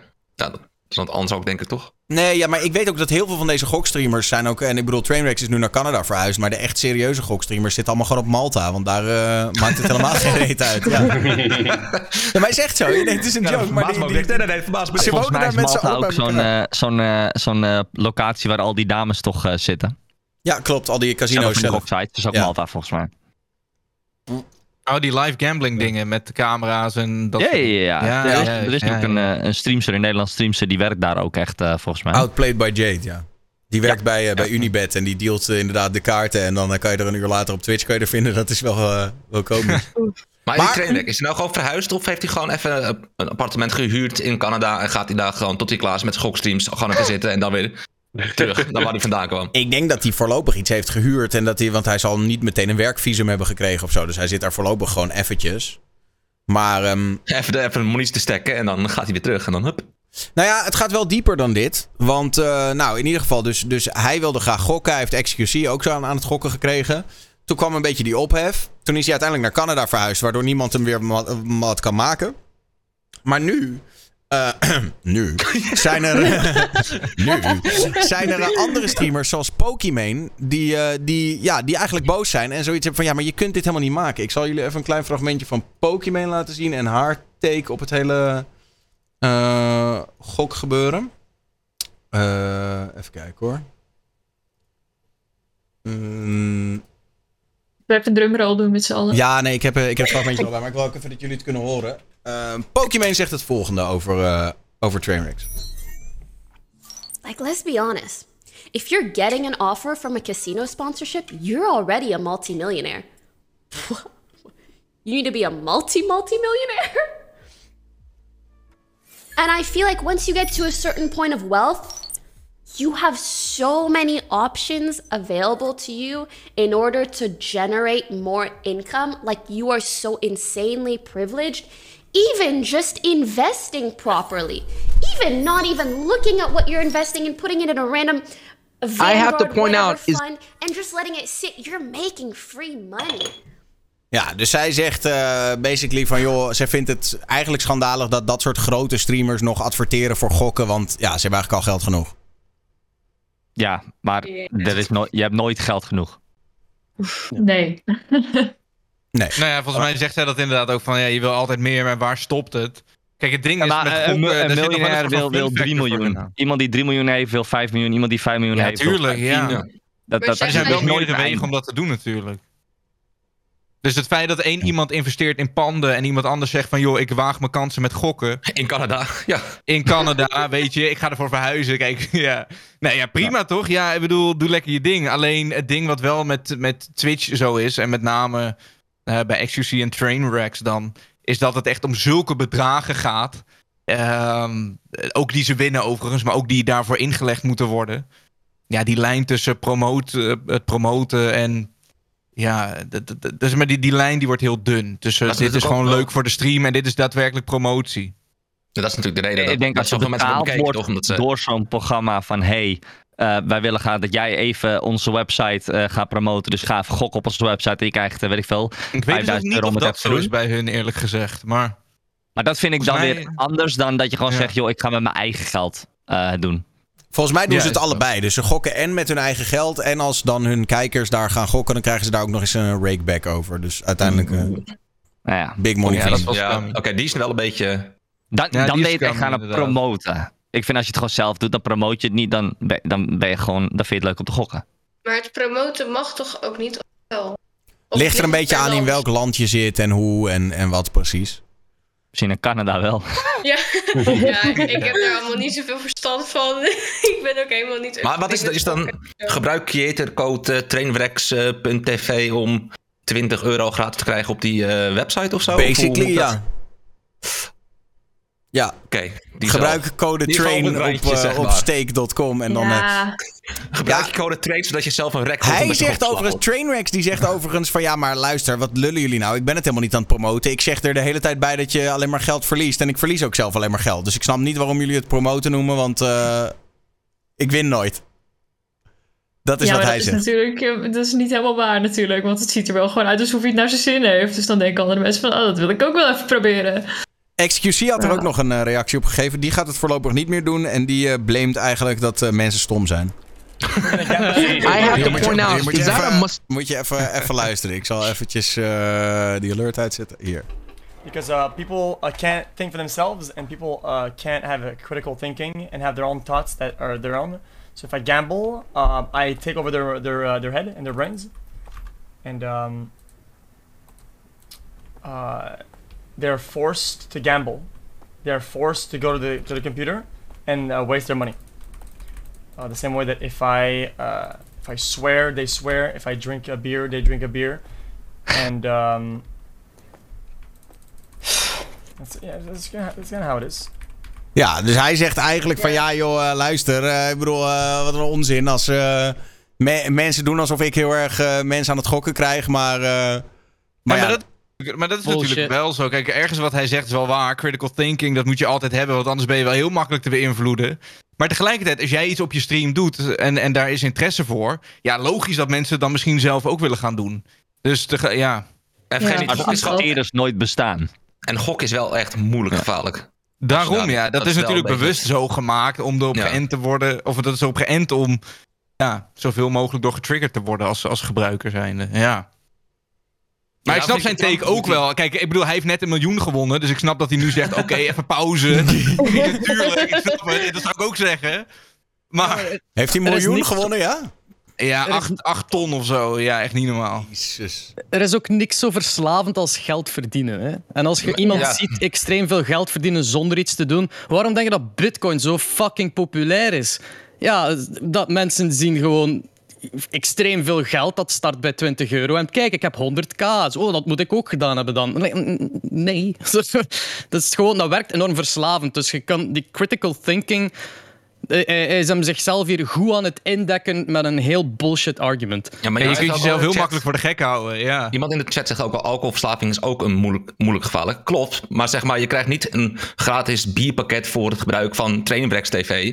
Maar je krijgt wel 20 gratis spins, dat je meteen denkt, oh, nu zitten we een beetje in de flow. Ik heb net wat gewonnen. Ah, Nou ja, en- toch even die 5 euro erop stoppen, En wat toch? betreft alcohol zijn er gewoon hele strenge regels. Hè? Ik bedoel, ik maak radio op een, op een jongerenstation, zoals dat dan gelabeld is. En wij mogen helemaal nooit iets van alcoholreclame uitzenden, omdat we te veel jongeren bereiken. En dat, dat is gewoon een regel, dat is zo, zeg maar. Dus eh, ja, ik vind het ergens ook wel eh, begrijpelijk als mensen gokken willen beschermen.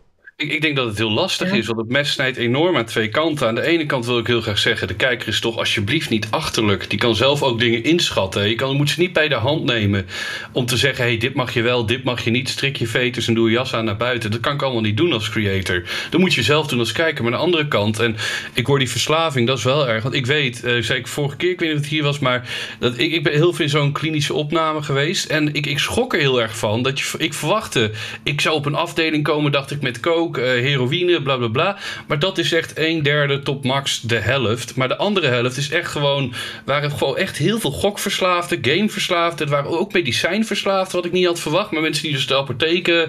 En dat je denkt, dit is wel heel heftig. En het is inderdaad wat jij zegt, Daniel. Alsof je dan op stream een stream lang peukjes aan het roken bent. En dan, nou, deze sigaret vond ik niet zo lekker. Ik doe de volgende wel.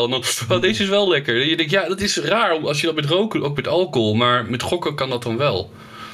Eh, dat is een beetje, dat is, denk, ja, want ik weet, de- als je bij de NPO een peukje opsteekt. Volgens mij deed Hans Steeuwen dat vier jaar geleden, live op televisie. Gewoon een peuk uit binnenzak aan. En dat kostte de NPO toen 15.000 bij zomergasten, geloof ik. Ja. ja, Ja. omdat dat niet meer mag, want dat wordt gezien als roken promoten. Ja, dus in principe dan zou je zeggen, gokken ook eruit in die, dat kader. Ik denk, ja, ik weet niet, dit is misschien een heel ander topic. Maar ik denk dat je meer invloed hebt ook dan dat je misschien in eerste instantie denkt. Omdat, ik weet niet hoe, hoe dat bij jullie zit, maar de, de vraag is wat jij op dit moment aan het spelen bent, of aan het doen bent, of aan het drinken bent, of whatever je ook aan het doen bent op je stream. Is dat leuk, lekker? Raad je dat aan? Zou je dat ook doen? Dat soort dingen. Die vraag komt eh, nou, in mijn ervaring in ieder geval heel vaak voorbij.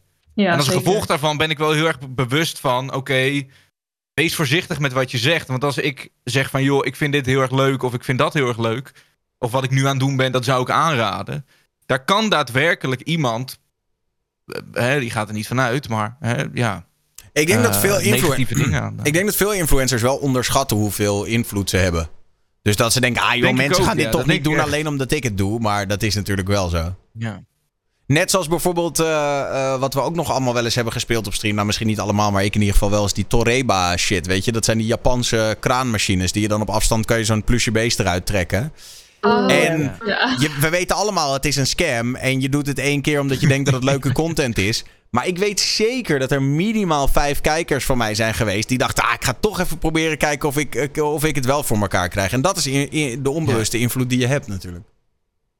Maar je brengt ze gewoon op een idee. Het zou nooit bij, bij hunzelf opkomen om dat te gaan doen. Het is dat ze het ergens zien, of dat nou bij jou is of ergens anders. Ze zien het en dan gaat dat knopje om en dan gaan toch mensen dat proberen. Ja. Ja. Ik moet wel zeggen, ik vind ergens ook wel weer die, die take van XQC, of überhaupt in, in ieder geval die, die take van critical thinking is wel essentieel hierin. Als je dat niet kunt, ben je sowieso al gedoemd om te falen in, in alles. Ook buiten Twitch, ook buiten het internet, ook op straat met tv, weet ik veel wat allemaal. Als je niet soort van voor jezelf kunt zeggen, oké, ho, hier houdt het voor mij op, dit is niet meer verstandig. Dan, of als je juist die grens over bent gegaan en je kunt de grens niet meer terugvinden en je bent echt te ver heen. Dat kan natuurlijk ook gebeuren, dat is menselijk. Ik bedoel, begrijp me niet verkeerd. Maar ja, ik verwacht wel dat er een soort van ook eigen verantwoording is bij, eh, bij mensen. Ik weet heel goed van mezelf dat ik niet moet gaan gokken. Nee, Gewoon bijvoorbeeld. op ja, stream dat of in het algemeen? Ook niet, toch? Nee, nee, nee, gewoon over het algemeen. Ik heb het één keer bij jullie gedaan, volgens mij, in de Discord. Toen was ik een beetje mee aan het doen. En toen dacht ik telkens zelf van, "Ah, meer, meer, meer. Dus ik dacht, nou, ik moet dit maar gewoon niet meer doen, want dan eh, moet ik binnenkort een donation call voor 1000 euro van, eh, ik moet nog Unibet spelen vanavond. Ja, of mijn huur. Beide. Het is wel content, dus ja, het mag wel. Ja. Maar langzaamaan zeg maar naar, naar mijn eigen graf zien gokken gewoon. Het is wel content. Daarom. Ehm, ik heb een vraag die ik in, de, in, in mijn chat kreeg afgelopen week. En ik vond het wel een interessante. We zijn er toen niet helemaal uitgekomen. Ehm, maar dat is de vraag: bestaat er nog steeds inkomensongelijkheid tussen mannen en vrouwen? Ja. Ja. Vast wel. Maar overigens, de chatter die het vroeg was er heilig van overtuigd dat het allemaal is opgeblazen en wordt overdreven en bla bla bla. Ehm, ik denk zelf dat het wel degelijk nog, eh, nog speelt. Maar eh, ik was benieuwd hoe jullie dat zien. Ik denk dat het er nog wel is. Ik denk, ik denk, eh, denk, denk wel dat er op, voor wordt gewerkt, gelijkheid. Maar ik denk dat het nog niet, eh, nog niet helemaal eerlijk is hier en daar. Nou, zoals Brainloos zegt, niet op Twitch in ieder geval. Nee, dat ik. Dat is de enige uitzondering. ja. Nee, maar het is toch al flink ingelopen. Ik bedoel, ik, ik zie iedereen zo volmondig. En is iemand een bron waar we dingen uit kunnen halen nu? Of is het allemaal... Nee, maar- Maar als je het over de hele wereld hebt, denk ik wel dat het echt nog steeds misschien in Ja, maar is wij, wij, zijn maar- niet, de- ik, wij zijn niet de hele wereld. We zijn echt Nederland, bedoel je dan toch, Daniel? Of bedoel je Ja, laten we nu even op Nederland focussen, inderdaad. Ja, oké. want de- de hele wereld is sowieso nee, maar dat is logisch. Nederland is volgens mij flinke stappen gemaakt. Dat klopt. Maar wat je Sorry, vaak ziet is... Ja, nee, sorry. Nee, zeg maar. Dat, dat vrouwen gewoon nog sneller eh parttime gaan werken. Ook bijvoorbeeld als ze kinderen krijgen of zo. Dat het toch sneller de norm is dat vrouwen een dag minder gaan werken. En dat die daardoor ook misschien minder geneigd zijn om salarisverhoging te vragen. Omdat ze niet daar fulltime zijn. En ja, dit zijn allemaal van die dingen die daar aan meespelen. Die dus bijvoorbeeld die per ongeluk zeg maar zo gaan. Eh, als jij drie dagen werkt in plaats van vijf, ja, dan voel je misschien minder alsof je recht hebt op een salarisverhoging, omdat je niet 100% daar bent, zeg maar. Ja, ik, ik denk dat die situatie nu niet echt mee rekening moet gehouden worden bij de vraag van bestaat ongelijkheid nog, want dat is, ja, laat me het zo onfair zeggen als uw eigen schuld als je daar niet achter vraagt, maar je krijgt wel de kans om gelijkheid te hebben, moest het gevraagd hebben of enzovoort. Eh, maar naar eigen ervaring bij mijn vriendin is het al gebeurd in sommige bedrijven waar dat eh, dat ze on- te, te weten is gekomen hoeveel de anderen be- verdienen en dat het bij de mannelijke wel degelijk hoger was. Dat is niet overal zo. Natuurlijk zijn er stappen gemaakt dat het veel verbeterd is. Waar ze nu zit, is het, heeft ze stiekem meer dan haar mannelijke tegenpart. Maar, ehm, Maar dat is in België, toch? Dit Ja, dat gaat in over België. Nederland. Nee, nee, Ja, oké, maar Nederland-België is Maar, maar is dan even, en dan ben ik misschien een beetje hard, hè? Maar is dan, speelt dan misschien ook mee dat eh, vrouwen, eh, en dan generaliseer ik heel erg, hè? Maar dat vrouwen over het algemeen misschien minder durven te vragen? En dat mannen Ja, dat denk meer zoiets wel. hebben, gewoon, "Wow, ik kom binnen, ik vraag 10k en we zien wel hoe het afloopt. Dat, dat idee. Ja, maar dat is wel echt zo. Ik denk wel dat vrouwen eerder, zeg maar, ook omdat ze vaak al onderschat worden, hè, dat gebeurt ook nog steeds wel, dat ze daardoor ook gewoon voorzichtiger zijn in hoe ze dingen brengen. En eh, omdat ze graag serieus genomen willen worden. Ik merk dat ook in de manier waarop ik e-mail. Ik, ik denk soms, oh, ik moet echt wat meer als een man e-mailen. Minder uitroeptekens, wat minder vriendelijk, wat meer straight to the point. En ja, dat is toch gewoon wel nog steeds lastig. Ja. Ik herken als denk man wel dat gevoel. persoonlijk dan is of zo. Maar ik denk, zeg maar, ik denk de overheidsbaantjes, ik denk dat dat bijna allemaal wel redelijk rechtgetrokken is. Over het algemeen bij de brandweer, politie, dat soort dingen. Dat zal echt denk ik wel redelijk rechtgetrokken zijn. Maar ja, gewoon bij de financiële markt en zo, ja, dat is nog, dat is altijd open. Dus ja, bij wijze van spreken kan je hetzelfde baan doen. En ook tussen man en man kan je dezelfde baan doen. Maar de ene verdient gewoon twee keer meer omdat hij gewoon veel bij de hand er is in een, eh, in een sollicitatie, bij wijze van spreken. Nou ja, dat inderdaad. Ja, kijk, ik wil niet voor vrouwen spreken, dat kan ik ook niet. Alleen, ik merk inderdaad ook dat met leeftijdsgenoten bij exact hetzelfde bedrijf, met exact dezelfde opleiding, soms zelfs in dezelfde klas gezeten, acht jaar lang, ehm, dat er gewoon ongelijkheid is tussen wat je verdient. Degene met de grootste bek staat altijd logischerwijs vooraan. Maar, is het niet gewoon doodsimpel? Kijk, ik bedoel, ik hoorde het verhaal net van Tess en ik zie Meerti en ik heb niet naar Nick kunnen kijken, maar Meerti knikt in ieder geval heel heftig ja mee. Alleen het zijn grotendeels gebaseerd op aannames. Iemand die je niet kent, stuur je mail en aan die hand van die aannames pas je die mail aan om te voldoen die zichzelf overkomen als een man of wat dan ook. En aan de hand van die aannames forceer je jezelf al een beetje dan in een hoek. En dat is denk ik dan, dan als je op een bepaalde manier gaat leven met bepaalde aannames. Ja, dan ga je ook. Hè, als je denkt elke dag, ik, ik stel niks voor, dan stel je niks voor. Denk je, hé, hey, ik word niet aangenomen, want ze kiezen een man. Dan word je niet aangenomen, kiezen ze een man. Het zijn meer die aannames die ik dan hoor. Van ik denk, ja.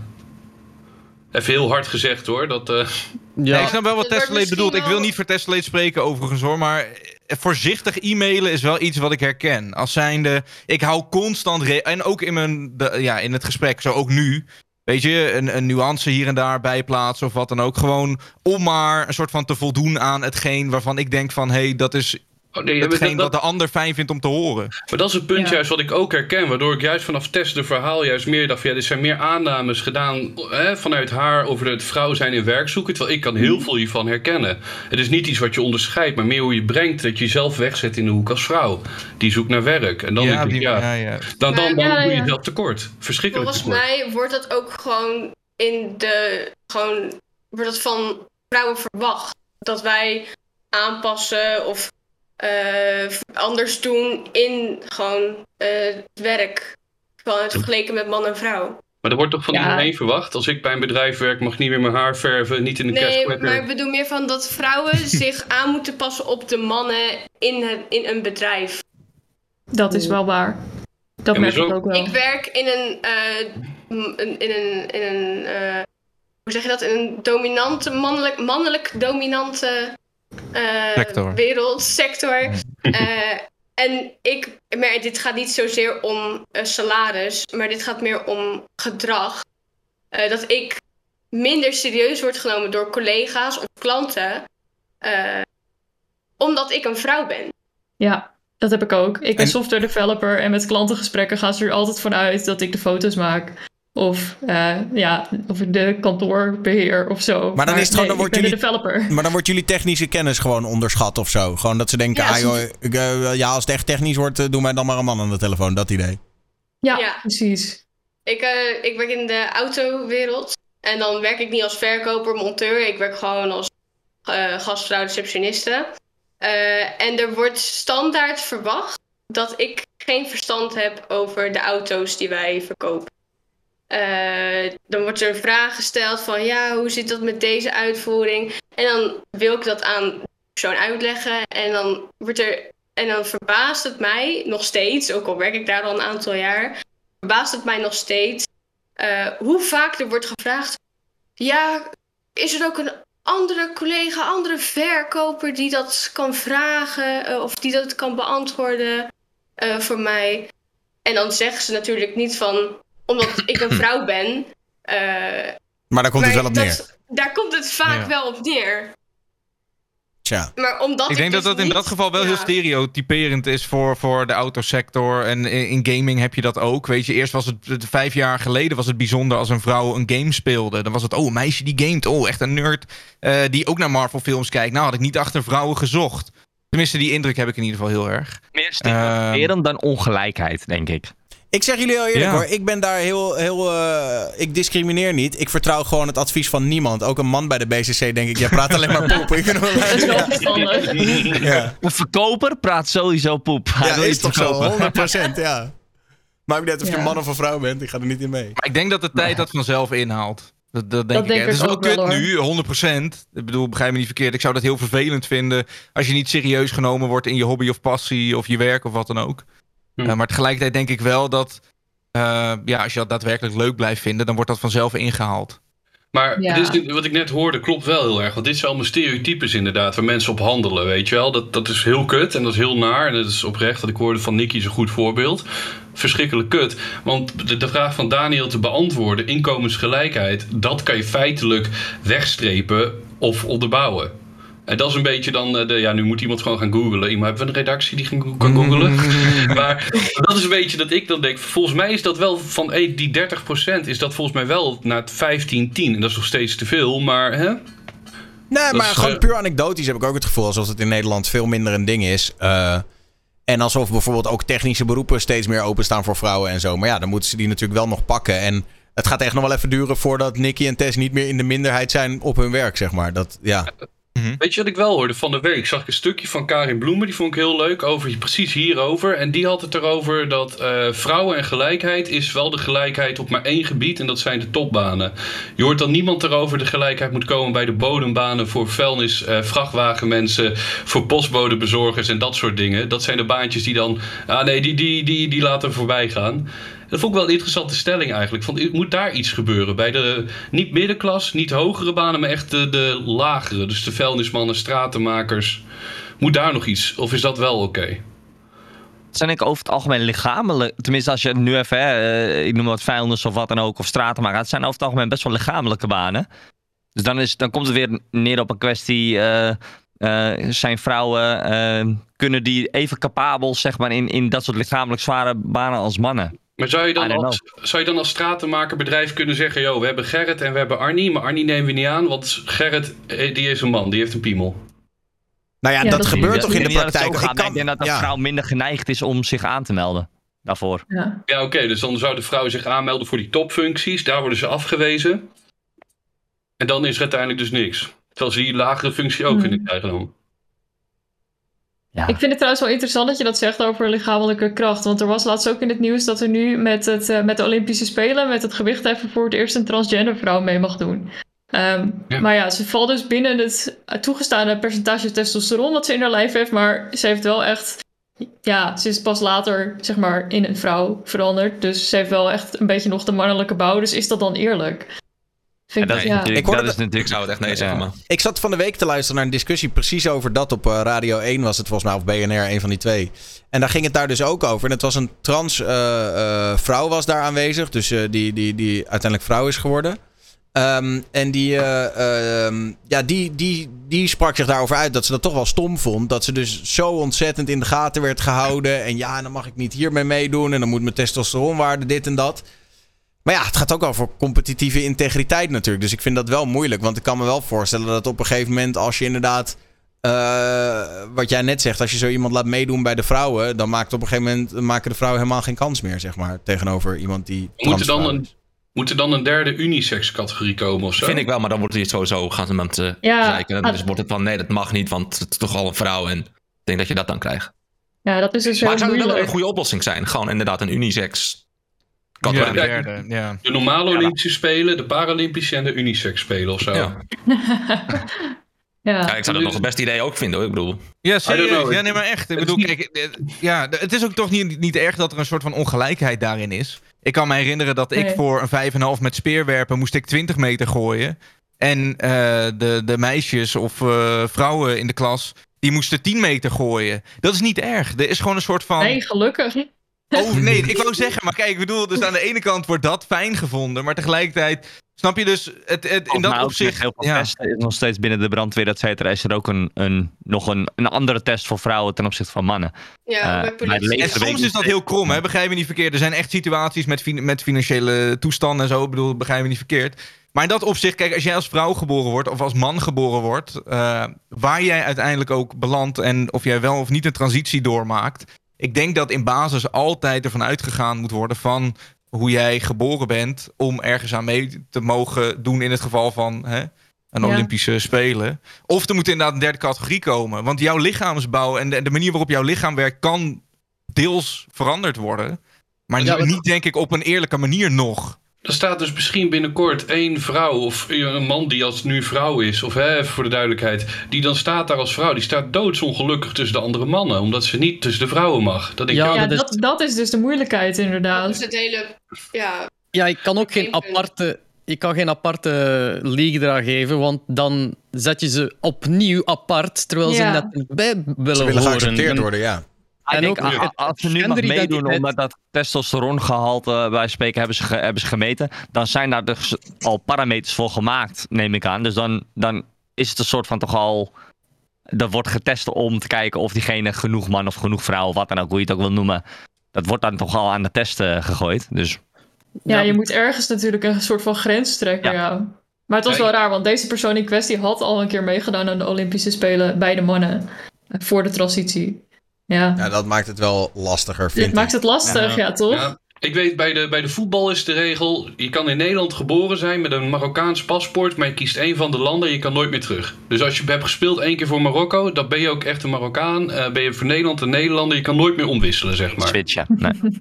Dus jij wil eigenlijk jij wil hetzelfde voor geslacht? Nou ja, ik zou bijna. Ja, ja, en nee. Want kijk, het kan me in dat iemand op zijn veertigste zich bedenkt. Maar aan de andere kant denk ik, als je 20 bent, dan ben je wel op een leeftijd om te zeggen. Mijn carrière als sportman duurt op mijn 35ste. Voor de komende 15 jaar identificeer ik me als. mm. Dan mag je het zelf invullen.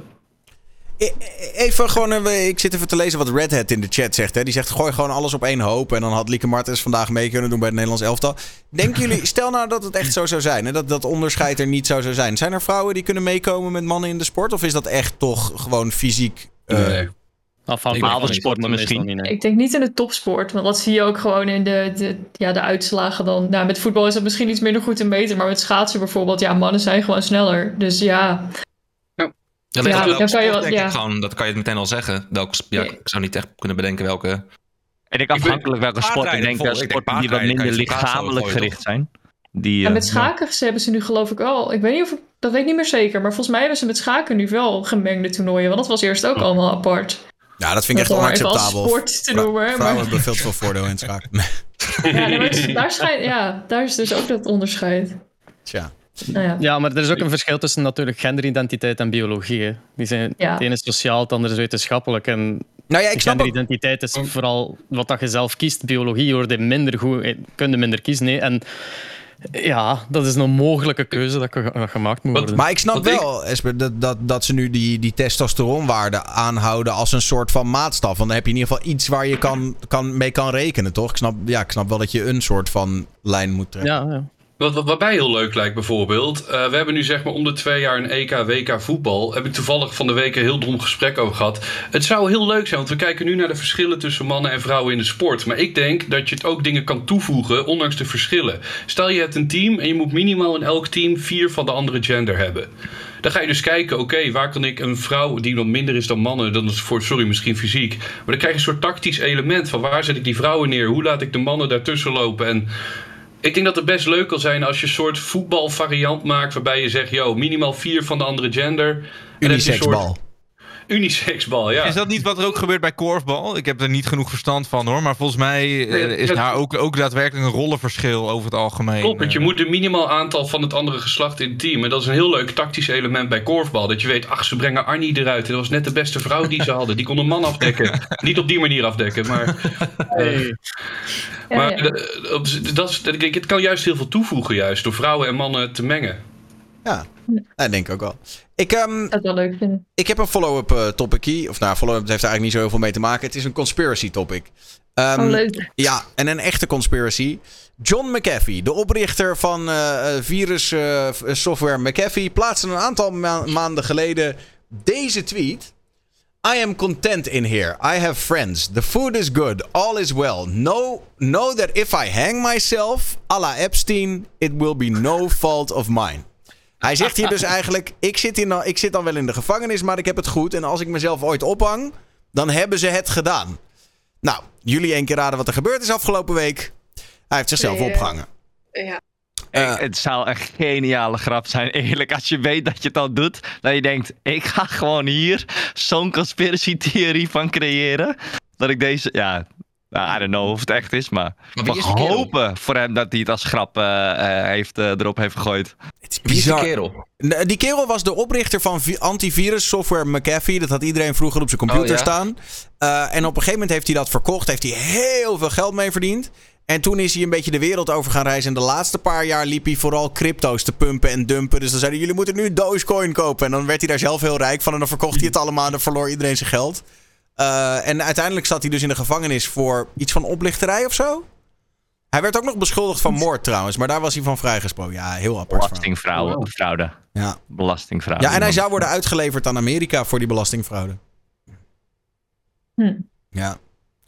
Ja, nee, het snap, is wel een ja. tweet, maar als ik hem lees, het klinkt wel alsof je in een psych ward zit. Of zo, heel punctueel, zo van... Eh, all is well. Zo, dat is een niet normale taal, denk ik. Om, eh, ik Als je in de bedoel, het is een correcte. Engelse zin, Ja, hoor. Begrijp me niet verkeerd. Maar Ik eet het, lekker het voelt te gevangenis. zweverig. Ja. Zo van, ik, ik doe nu heel sarcastisch. Zo van, nou, het is echt helemaal verneukt hier. Ehm, maar ik ga er een soort van positieve, soort van psychische twist aan geven of zo. Ik vind het heel Ja, moeilijk, want het het klinkt alsof die gast al sowieso niet helemaal 100 was. Want anders ben je niet zo. Dus ik vind, ja, durf daar niet echt een uitspraak over te doen. Ja, ik weet niet hoe hij in, het echt was, als hij daar ook alleen maar eh fucked up grapjes maakt. Dan was het, is het best wel een geniale grap. Heeft Robert Jens hier al wat van gezegd? Ah, die is nu zijn video aan het editen waarschijnlijk.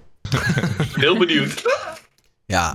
Ik denk wel trouwens, wat, eh, wat een van jullie net ook zei. Ik denk eerlijk gezegd dat hij gewoon zelf al aan had zien komen van... joh, als ik naar Amerika word uitgeleverd, maak ik mezelf van kant. Maar ik gooi er nu wel die tweets uit om iedereen een beetje eh, op te fokken dan. Ja, wat, wat, zou, wat zou een reden zijn voor, voor Amerika of voor, weet ik veel, eh degene die hem moeten vervolgen om hem af te maken? Heeft hij info of wat dan ook? Nee. Uiteindelijk Kijk, is het gewoon een beetje een gekkie, toch? terrorist is of zo, of wat dan ook. Kijk, als, als het gewoon een willekeurige dude is die toevallig veel geld heeft met McAfee gemaakt. Ja, als hij gewoon niet, eh, niet, eh, ja, niet, de reden is om hem af te maken. Als dat ze met Epstein. eh, eh, Epstein? Epstein, ja. Epstein, ja. dat ze dat eh, met hem eh, dachten. Ik weet niet waarom de reden was dat hun dachten dat het een conspiracy bij hem was. Maar dan Nou, Omdat bij, bij die- Epstein was, ja. die wist heel veel. Die Epstein die heel wist echt alles. En die, die had inderdaad informatie over allerlei presidenten en prinsen en koningen en weet ik veel wat allemaal. En daar kwam ook nog eens bij dat het bij Epstein wel heel verdacht was dat toevallig net de camera in zijn cel was kapot. De twee guards die hem moesten bewaken waren net even een blokje om gaan lopen. Eh, het was allemaal gewoon echt dat je dacht, nou, hoe kan dit? Eh, ja, dat. Ja, het is... Ja. En ik, als ik nu de chat trouwens bekijk van jou, holy moly, dat is niet goed. Die McAfee is volgens mij echt helemaal geschrift. Als Ja. ik al die berichten voorbij zie Ja, komen, denk, ik- ik zie 0,0. Dan denk ik, oh wat een fijne vent, ik wil met jou een biertje doen. Nee, dat nooit, nooit. Kan nou niet meer, hè? Kan nou niet meer nu. Ja, Dus ik, maar- ik, denk, ik denk dat hij gewoon de staat zwart wou maken, die tweet eruit gooide en eh, naar de bedhoek ging. Dat hij de nieuwe Epstein wou worden, maar Tja. ja. Ik denk dat hij al lichtelijk eh, psychisch niet in orde was, inderdaad. Ja. Nee. Zeker ten tijde van die tweet. Ik, ehm, ja, nou ja, goed. Iedereen moet er maar even over nadenken. Ik wilde hem vooral even als conspiracy opgooien, omdat het wel gewoon een, Klinkt wel eens een bizar verhaal interessante is. film trouwens. Ik zou de film of docu wel Ja, kijken. ik ook. Ja, wel zeker. Ik wacht op de Netflix docu hierover. John Dat, eh, ja. de movie, dat zit er nog wel aan te komen. Ah, er komt vast een true crime podcast over. Die krijg je gratis bij een abonnement op Antivirus. Maar ma- maak het dan wel zo Shutter Island, dat je niet zeker weet of hij gek is of Ja, ja. Maar denk wie, wie, wie is er nou echt gek? Ja. Ehm, wat zouden jullie eigenlijk nog wel een keer willen doen, maar je durft het niet? Zoals bijvoorbeeld parachute springen, diep buiten. zee duiken, je huis verlaten, inderdaad, in het geval van kippensoepje. Ik moet even pissen. Maar ehm, Maar hij knijpt hem er tussenuit meteen. ik snap dat het een pittige vraag is hoor, maar denk er gerust even over na. Zijn er nog dingen waar die jullie nog op je lijstje hebben staan, maar waarvan je denkt, ja, ik Nou, ik, ik, ik ben toevallig eh, twee weken geleden ben ik jarig geweest. Nou, is niet zo toevallig, is elk jaar een keer. Ehm, maar het, het hele punt is, ik, ik zat die ja, dat ik toch kut. Ik ben nu 29, bijna 30. Het is voor mij nu te laat om nog even drie maanden in New York te gaan wonen of zo. Dat zijn dingen dat ik denk, ik had dat fucking graag willen doen. Ik hoor net het verhaal over die streamer en ik zie de chat, oh wat een gek. En ik denk, nee, wat een wereldgozer. Ik ga je zo achterna. Ik, ik zou gewoon dat een keer willen doen. Gewoon je hele leven oppakken en hutsen over de kop. Dat je denkt, holy moly, waar zijn naartoe? Wat, Bardo in Australië in een hutje? ja. Wat doet hij daar? Maar, maar dat kan toch gewoon dan? Ja, waarom, waarom niet? Of ben je bang dat je dan, als je terugkomt, dat, dan, dat je je hele leven hebt gefokt gewoon? ja, dat, dat je dan denk alles ik. kwijt bent. Ja, dat wel een beetje. Het is nu mijn vastigheid die ik opbouw. Ik heb niet genoeg geld gespaard voor. Nee, maar dat inderdaad. Ik wou net zeggen, stel je voor je had... Nou ja, goed, oneindig geld is natuurlijk een ding. Maar je had bizar veel geld. Had je het dan wel gedaan? Tuurlijk, was ik nu Ja, ik wou net zeggen, daar is tuurlijk. het alleen maar van afhankelijk, toch? Dat is hetgeen waardoor het niet kan. Want iedereen wil dat denk ik wel een keer gedaan hebben. Atjebo, donation go man, ik hoor het. Ja, Ik heb 200.000 euro. Ik ga naar Australië. IRL met de kangaroos in. eh, ja. Ja. Ja, Ik zou wel een keer willen basejumpen. Maar dan het niet durven, omdat oh, je dat- dan eerst heel hoog naar boven moet klimmen. Op een of andere illegale manier. Maar basejump is van zo'n gebouw met een parachute, toch? Dat je echt, op, Ja. dat je echt vijf seconden hebt om aan dat ding te trekken en anders Ja, is het klaar. mij echt insta. Gewoon meteen aan dat ding trekken. En je moet eerst nog gewoon ergens een gebouw opklimmen. Wat natuurlijk al heel illegaal is. Dus het is niet een mooi trappetje. En als je parachute niet open gaat, dan is het eh challenge. Ja, maar dan moet je dus eerst dan gewoon naar boven klimmen. Dan zou ik al op een gegeven moment beneden kijken en denken... Nou, nee, ik ga wel weer gewoon terug naar beneden. Ik chill hem wel. Nee, oké. Iemand anders nog iets om aan het lijstje toe te voegen? Ehm, ja, ik ben zelf doodsbang voor vliegen. ik heb echt een vliegangst. Ik zou het altijd al een keer gewoon met een vliegtuig ergens heen willen gaan. Maar ik, ik, ik durf het gewoon echt niet. Maar nog Eh, nooit gedaan ook. Nog nooit gedaan, nee, zeker niet. Dus nooit, Ja, maar je, je hebt ook nooit gevlogen. nee, nee. ook nooit Oh, weet je dan Europa uit geweest hebt? of zo? Nee, ik, ik- sowieso ben ik nooit eh, ver geweest met vakanties, et cetera. Ehm, volgens mij het verste ben ik Frankrijk geweest. maar eh, ja, vliegen, dat zie ik, ik zie het gewoon niet zitten of zo. Maar het lijkt me wel leuk om ergens heen te gaan. Dat is niet raar dat je dat hebt. Er zijn heel veel mensen die dat hebben. En er zijn oprecht cursussen voor. Dus mocht je dat echt willen. Ik weet niet hoe goed die cursussen zijn. En, Ja, die zijn en hoe goed. goed die tabletjes werken. Oh, die zijn echt goed? Oké. Ja, nou, ja, ik heb toevallig Ik, heb ik zou daar dat echt doen. Want je, je mist echt shit als je niet eh, naar... Ja, het, het buitenland is natuurlijk een breed begrip. Maar ik kan Ja. me voorstellen dat, dat eh, weet ik veel, een keer naar Amerika gaan of zo. Of eh, weet ik veel. Die mooie witte stranden op Curaçao. Dat dat best aantrekkelijk is om een keer naartoe te gaan. Ja, precies daarom. Ik zou graag een keer naar een ver land willen gaan. Maar gewoon het vliegtuig vind ik gewoon het engste. Daarvan. Jezus. Ja, doe mooie witte stranden op Ja, Curaçao. Ik, ik weet nog wel van heel lang geleden, we hebben toch, voetbal staat een beetje aan, dat Dennis Bergkamp was ook altijd bang om te vliegen. En die moest tussen elke voetbalwedstrijd van land naar land met de boot. Dan ging je met de boot naar Amerika heen en weer terug voor één oefeninterland. Dus ik Echt? denk, arme man. Ja, ja. Ja, ja, Dat is wel beter voor het milieu. Bergkamp is, daarom zei Bergkamp in 2002 ook, ik ga niet naar A- Azië, ik ga niet naar Korea en eh, Japan met de boot. Dat is twee maanden gek. Maar kan je nog, kan je Ja, nog steeds vandaag de dag... Ja, ik weet dat je kan cruisen en zo, maar dan ga je meestal... Maar kan je nog gewoon rechtstreeks met de boot van Amerika naar, naar Europa tegenwoordig? AliExpress pak je zo in en zet je erop. Je ertussen. Lijkt me wel... vast wel manieren. Ik denk alleen niet dat je snel er bent, maar...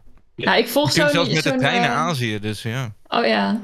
Nou ja, ik denk inderdaad wel als je geld hebt... Oh ja? Nou ja, zo'n YouTube-kanaal, zo'n zeilkanaal. Ik, ik word hartstikke zeeziek, dus ik weet niet waarom ik het kijk. Maar ik vind het echt leuk om te volgen. Die hebben zo'n zeilboot. Maar Greta Thunberg, die, die moest natuurlijk ook naar Amerika. En die wilde ook niet vliegen uit milieuoverwegingen. En zij hadden haar dan meegenomen. Maar er is dus niet een of andere lijn die daar rechtstreeks heen gaat. Dus ze had dan hun benaderd van... hé, hey, jullie zijn er sowieso aan het zeilen. Mag ik met jullie dan mee voor drie weken of zo? Maar... eh, Ja, volgens mij vrachtschepen wel inderdaad. Dat zie ik ook in de chat voorbij komen. Ik heb ooit eens gewoon gekeken puur om te kijken hoe lang duurt het dan voordat je er inderdaad daadwerkelijk bent.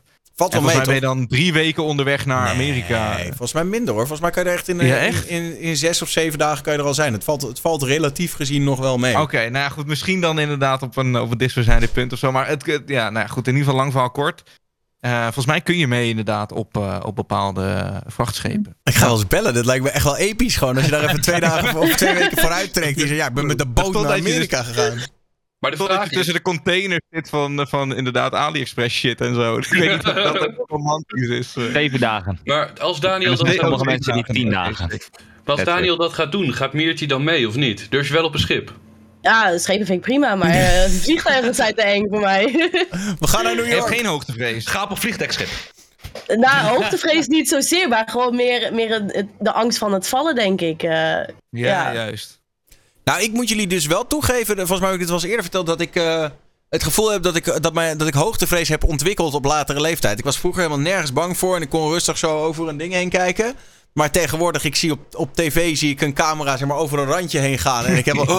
Heb ik ook, ja, ja, ja. Dat kan echt hoor. Dat is, ja, ik wou Ja. zeggen, dat is heel herkenbaar. Dat is echt een ding. Dat, eh, Voel je ermee? Maar is Maar- dat ook niet gewoon omdat je nu ouder bent en dat je weet wat zeg maar, de consequenties zijn als je eroverheen dondert? Misschien gewoon te vaak filmpjes gezien van mensen die op de grond pleuren of zo. Ja, Dat dat, heb ik zo Ja. daar kon ik altijd naar kijken van, oh nou, valt er weer eentje van 20 meter hoogte. Ja, vervelend voor hem. En nu is het inderdaad af en toe zo op een randje film, denk je, eh, mij niet meer bellen.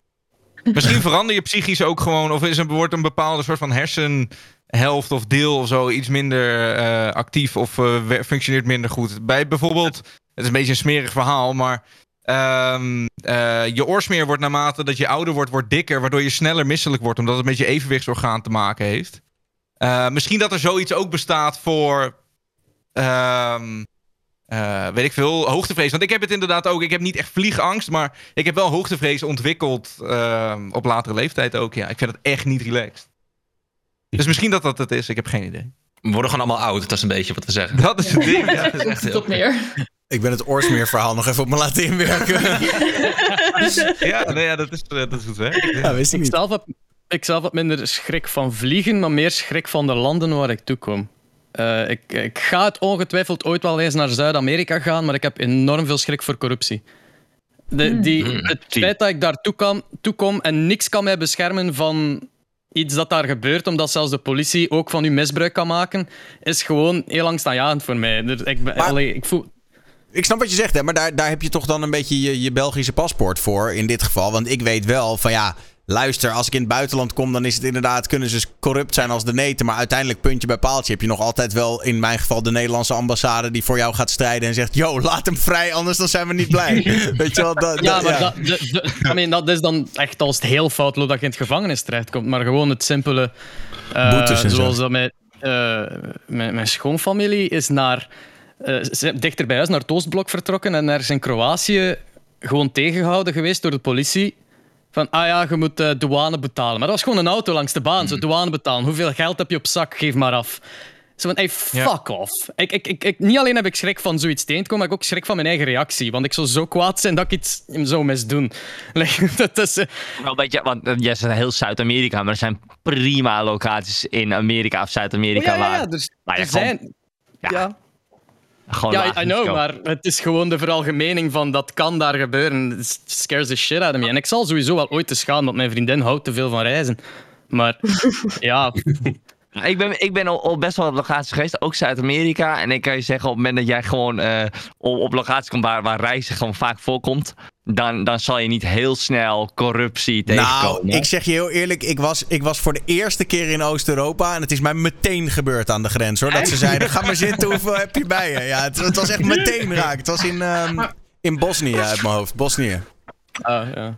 Maar ik, ik, ik luister, ik denk, weet je, ik, ik zou zelf nog altijd heel graag naar Noord-Korea willen. Ja, ik ook. Oh, dat, dat, die staat niet hoog bij mij. Ik, zijn we alleen Daniel en ik? Ik ben benieuwd, er zijn niemand anders? Nou, ik, Nou, ik, ik heb Ik daar het idee. willen. Het land lijkt me gewoon tof en het lijkt me vet om er geweest te zijn. Maar volgens mij, als je daar komt, krijg je gewoon echt een optreden te zien. ja, en dat, dat is ook zo. Maar dat, Maar dat, dat- dat, dat is niet optreden. leuk of interessant, zeg maar. Dat hele optreden, dat zou me dan niet zo heel veel uitmaken of zo. Nou, Ja, een vriendin van mij was toen naar Noord-Korea geweest. En die, eh, die vertelde dat je echt gewoon van alles al gepland moet hebben. Dus bijvoorbeeld met wie je meegaat, naar alle dingen wordt uitgezet. Wat je wel en wat je niet mag zien. Eh, welk hotel je mag blijven, et cetera. Dat, dat wordt allemaal al voor jou bepaald. Je mag niks zelf eh, plannen. Je moet altijd iemand bij je hebben van, eh, van de maatschappij, zeg maar. Er was een of andere Russische guy die een keer naar Noord-Korea ging. Volgens mij ging hij dan via de trein. En toen was hij wel een beetje gevaarlijk aan het doen. Staat volgens mij allemaal op YouTube. Dus hij was stiekem dingen aan het filmen en een beetje Ja, uitleggen dat van... is echt. Dan ben En je als echt je lul die, als je als je je die, die docu kijkt, dan denk je af en toe van... oeh. Maar ook hij is er gewoon mee weggekomen, hè? Ja, Volgens mij is hij het... niet. Bro, je, we kunnen het hier uren over hebben, maar volgens mij is het bij Ja, ja. Noord-Korea zo. Zolang jij niet een Amerikaans paspoort hebt, dan kun je al wel wat meer maken dan de rest, zeg maar. Nou ja, wat ik weet, dat is wel een beetje in lijn met jij zegt, Daniel. En ook in lijn met wat SP zei daarnet. Eh ik, ik moet direct denken aan die Otto Warmbier.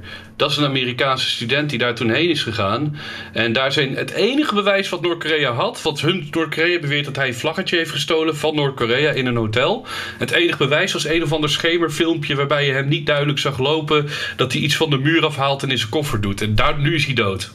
Ja, maar dat was ook wel een Amerikaan. En dat was ook wel echt een heel ongelukkig moment. Waarbij toevallig Trump net allemaal domme shit had gezegd over Noord-Korea. Het kwam echt heel ongelukkig uit, dat incident. Ja. Maar ik, ik zit meer van, het doet mij heel erg denken aan wat ik net hoorde over eh, Zuid-Amerika met corruptie. Dat ik denk, ja, als Zuid of als Noord-Amerika of Noord-Korea zegt, ik mag Daniel niet, dan kan Noord-Korea je gewoon vasthouden. Die kan je kapot maken. Ja, dat vind ik dus een beetje de angst van, van, van Noord-Korea, inderdaad. Dat ze kunnen er ook niet echt iets tegen doen als ze wel besluiten in één keer iets geks te doen. Ja, maar ik denk dat je wel veilig bent. Als je gewoon een toneelstukje volgt en echt hun allemaal volgt, gewoon precies zoals zij het willen, dan Nou, dat, dat heeft denk ik. Otto, je moet eens onthouden de naam Otto Warmbier, gewoon Ik in het Nederlands. En die, die heeft het gedaan. Dan zit hij half hersendood een briefje voor te lezen van het gaat goed met mijn papa en mama, maak je geen zorgen. Dat je denkt, oh wat erg. Ja, ja. Ja, dat was ook wel een heel heftig verhaal. Nou had hij ook wel echt een propagandaposter gejat hè, van de muur. Dat was, dat was zijn eh, crime, waardoor ze hem uiteindelijk... eh, Alleen het, het moeilijke is, het bewijsmateriaal van Noord-Korea was alleen een slechte video waar een silhouet een poster pakt. Meer was er niet. hmm. Dus Had hij dan ook getweet, als ik mezelf ophang, is het niet is het van mijzelf. Ehm, eventjes eh, leuk, leuk dingetje wat betreft eh, Twitch en dan specifiek Twitch Benelux. Want de Panorama heeft een heel artikel gewijd aan Fems en Mattia. Met de titel Deze Game Chicks staan echt hun mannetje. En volgens mij ook in het blad gepubliceerd. Het gaat over dat eigenlijk dat steeds, steeds meer vrouwen succesvol zijn in het streamen. En deze twee natuurlijk al helemaal. Ehm, ja, en ik vond dat wel leuk om dat in ieder geval even te vermelden in de talkshow. Dat, eh, ja, dat ze zo eh, in het zonnetje worden gezet. En ik denk dat dat alleen maar goed is voor de hele Nederlandse scene. Om weer een beetje Ik aandacht zie te pakken. Fems in de chat. Wat mis ik? Ik wist dit nog niet. Staat in panorama? Huh, wat? Wanneer hebben ze die foto's gemaakt? Dus, Ik eh, dus dat Ik denk eigenlijk. dat het heel tof is voor de community. Met met name heel tof voor hun dat hun de erkenning krijgen natuurlijk. Dat lijkt me het leukst. Ja. Ja. Ja, maar ik denk dat het gewoon überhaupt gewoon goed is, toch? Want eh, hoe, eh, weet je wel, het feit dat Twitch-streamers er nu in één keer toe doen... en dat, dat ze blijkbaar belangrijk genoeg zijn om een artikel aan te wijden... ehm, ja, dat geeft ook wel aan dat er wel wat veranderd is in de afgelopen twee jaar. Want ik weet dat eh, als je twee jaar geleden zei... joh, ik doe iets op Twitch, dat mensen dan zeiden... huh, wat? Ehm, Ja, oh, ja, ik wou zeggen, de titel had net zo goed kunnen zijn een paar jaar geleden. Van ook steeds meer vrouwen zijn nu gameverslaafd. Weet je, ik bedoel, ik ben blij dat dit een positief ding is. eh, voor, ja, in dit geval Twitch. En de, ja, de verdiensten van Fems en Mattia. Die, eh, Of de vrouwen Ja, verdienen geld met streamen. Dat zou je ook nog kunnen hebben, zoiets. zoiets, Ja, weet je, ja. Ja, had Dat had je toen natuurlijk ook met, eh, had je natuurlijk ook met YouTube toen die tijd. Dan was het echt allemaal van, oh, die verdienen geld met eh, YouTube-video's maken. En Maar nu in is de het long gewoon run zo normaal. Maar Ja. net zoals als, bijvoorbeeld Enzo Knol heeft volgens mij heel veel gedaan voor YouTube Nederland, toch? Gewoon het bekendmaken van, oh, ik ben Enzo, ik maak Mhm. filmpjes en heel veel mensen accepteren dat. Hebben wij ook zo'n Nederland die dat kan doen? Nou, ik denk dat dit soort dingen daar zeker aan bijdragen, toch? En ik bedoel, die, die subathon van Rick laatst draagt daar ook aan bij. Eh, waarmee hij dan in het nieuws komt. En nou, ik denk dat iedere keer dat, dat iemand, Ja. één van ons, iets doet waarmee eh, Twitch positief in het nieuws komt. Ik denk dat Tony Jr. draagt er ook zeker wat aan bij. En zo iedereen eigenlijk eh, op zijn eigen manier. Ehm, ja, dat. Ja, het is heel lokaal, maar ik ben toen ooit eens geïnterviewd. Ik woon in Bennekom, dus niemand kent dat. Dat is ook letterlijk niet noemenswaardig. Maar er is dus een Bennekoms nieuwsblad. eh, en die vond het, op de een of andere manier hadden ze mij gevonden. Die vond het leuk om dat interview te doen. Nee. Ehm, nou goed, weet je, dat, dat vond ik echt ontzettend leuk. Omdat je dan daarna, omdat het een klein dorpje is, krijg je heel veel reacties van... Oh, ik wist helemaal niet eens dat dat bestond. Of waarom doe je dat dan? Of wat gek dat mensen kijken naar jou die, eh, wanneer je een game speelt. Weet je, dan krijg je die standaardvraag dat mensen het niet snappen. Jij bent gewoon de Eh, BNR wat ook helemaal niet erg is, dat is ook begrijpelijk natuurlijk. Maar ja, dat is inderdaad wel heel leuk. Dus het feit dat dit zo groot, tenminste de panorama is volgens mij nog steeds best wel groot, toch? Panorama is Ja, best wel, eh, ja.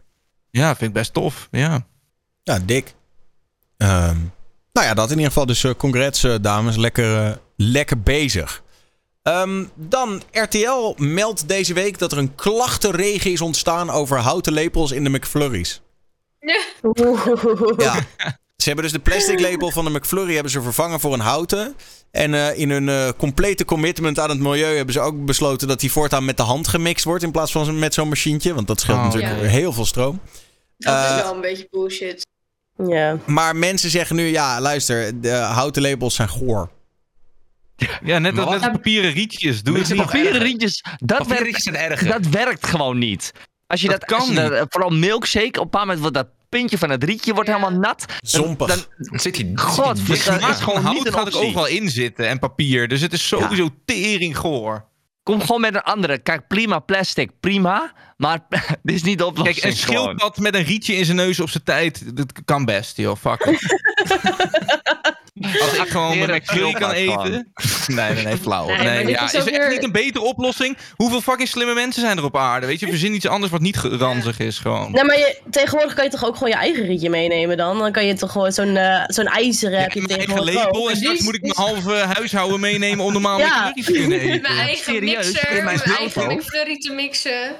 Maar die metalen rietjes zijn dus helemaal niet beter als je kijkt naar het grotere effect. Want zo'n plastic rietje gebruik je één keer, gooi je dan weg. Maar als je kijkt naar hoeveel water en energie het kost om zo'n metalen rietje te maken. En dan hoe lang mensen ermee doen omdat niemand weet hoe je zo'n ding schoon moet maken.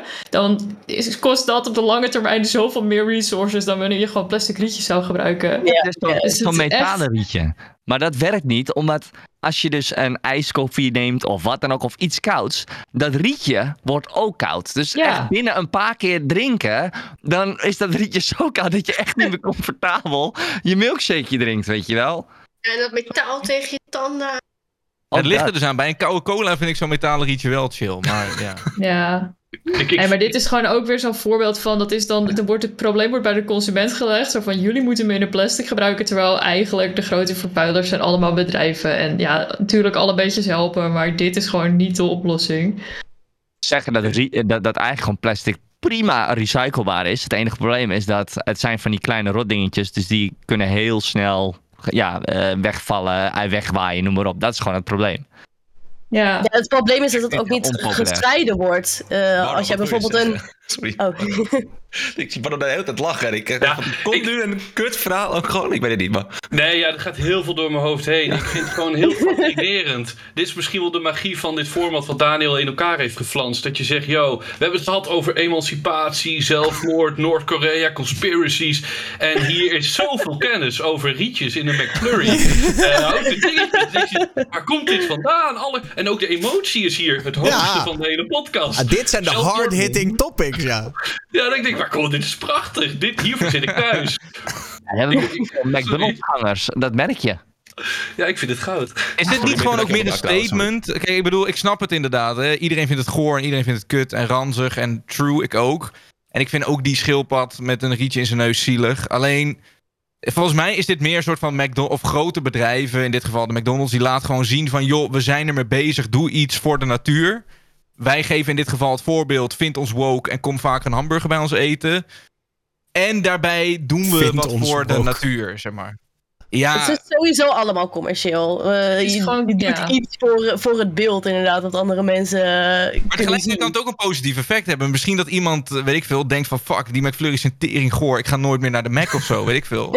Ja, maar het is wel fake natuurlijk. We hadden het hier een paar weken geleden over... Hoe heette dat nou wat Billie Eilish had gedaan? Eh eh queerbaiting. Queerbaiting. Oh, Queerbaiting, ja. Ja, wat die dus ook zeg maar zichzelf dan voordoet als lesbisch in een videoclip. Om dan een beetje de gay doelgroep aan te kunnen spreken. En dan een beetje zo net niet tongen met een vrouw. Maar uiteindelijk is ze helemaal niet lesbisch. En dat vonden mensen dan ook niet kunnen. Zo van ja.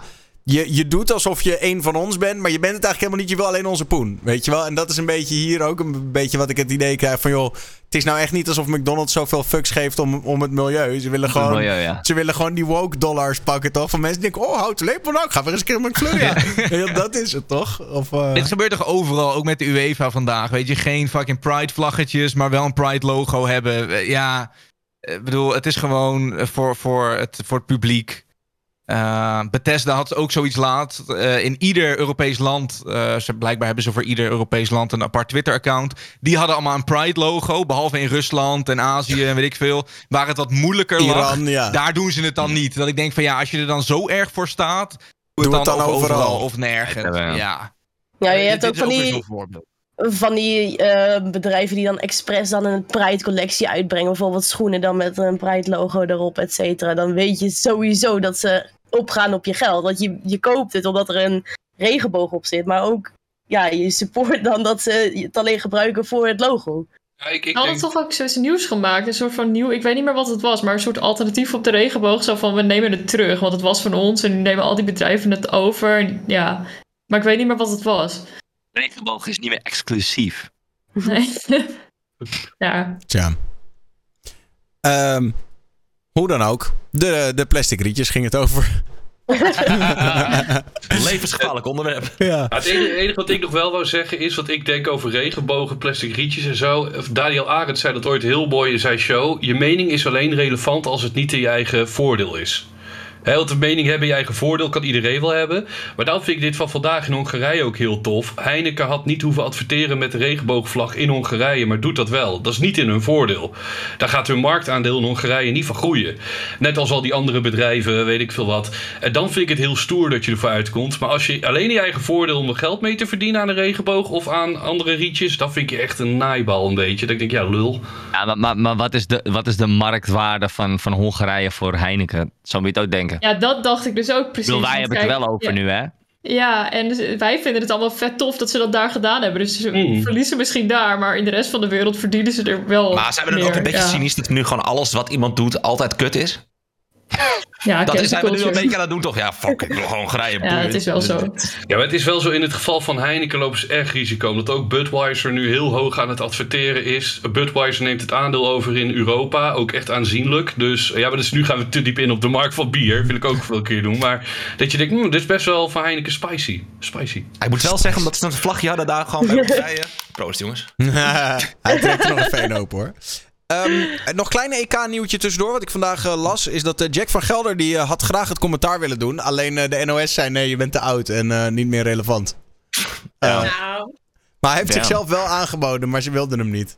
Maar dat is toch bizar dat je gezegd je bent te oud. Dat is toch... Ja. Ze Dat is wel wel een wel. beetje hard.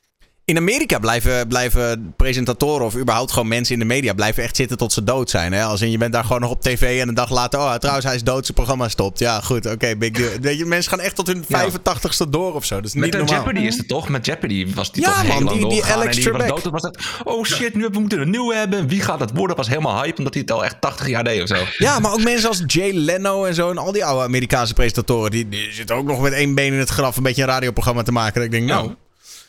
Ik wil, heel, ik wil heel graag Jury van Gelder uit FIFA 98. Dat wil ik gewoon hebben. Houdt hij hem aan het touwtje?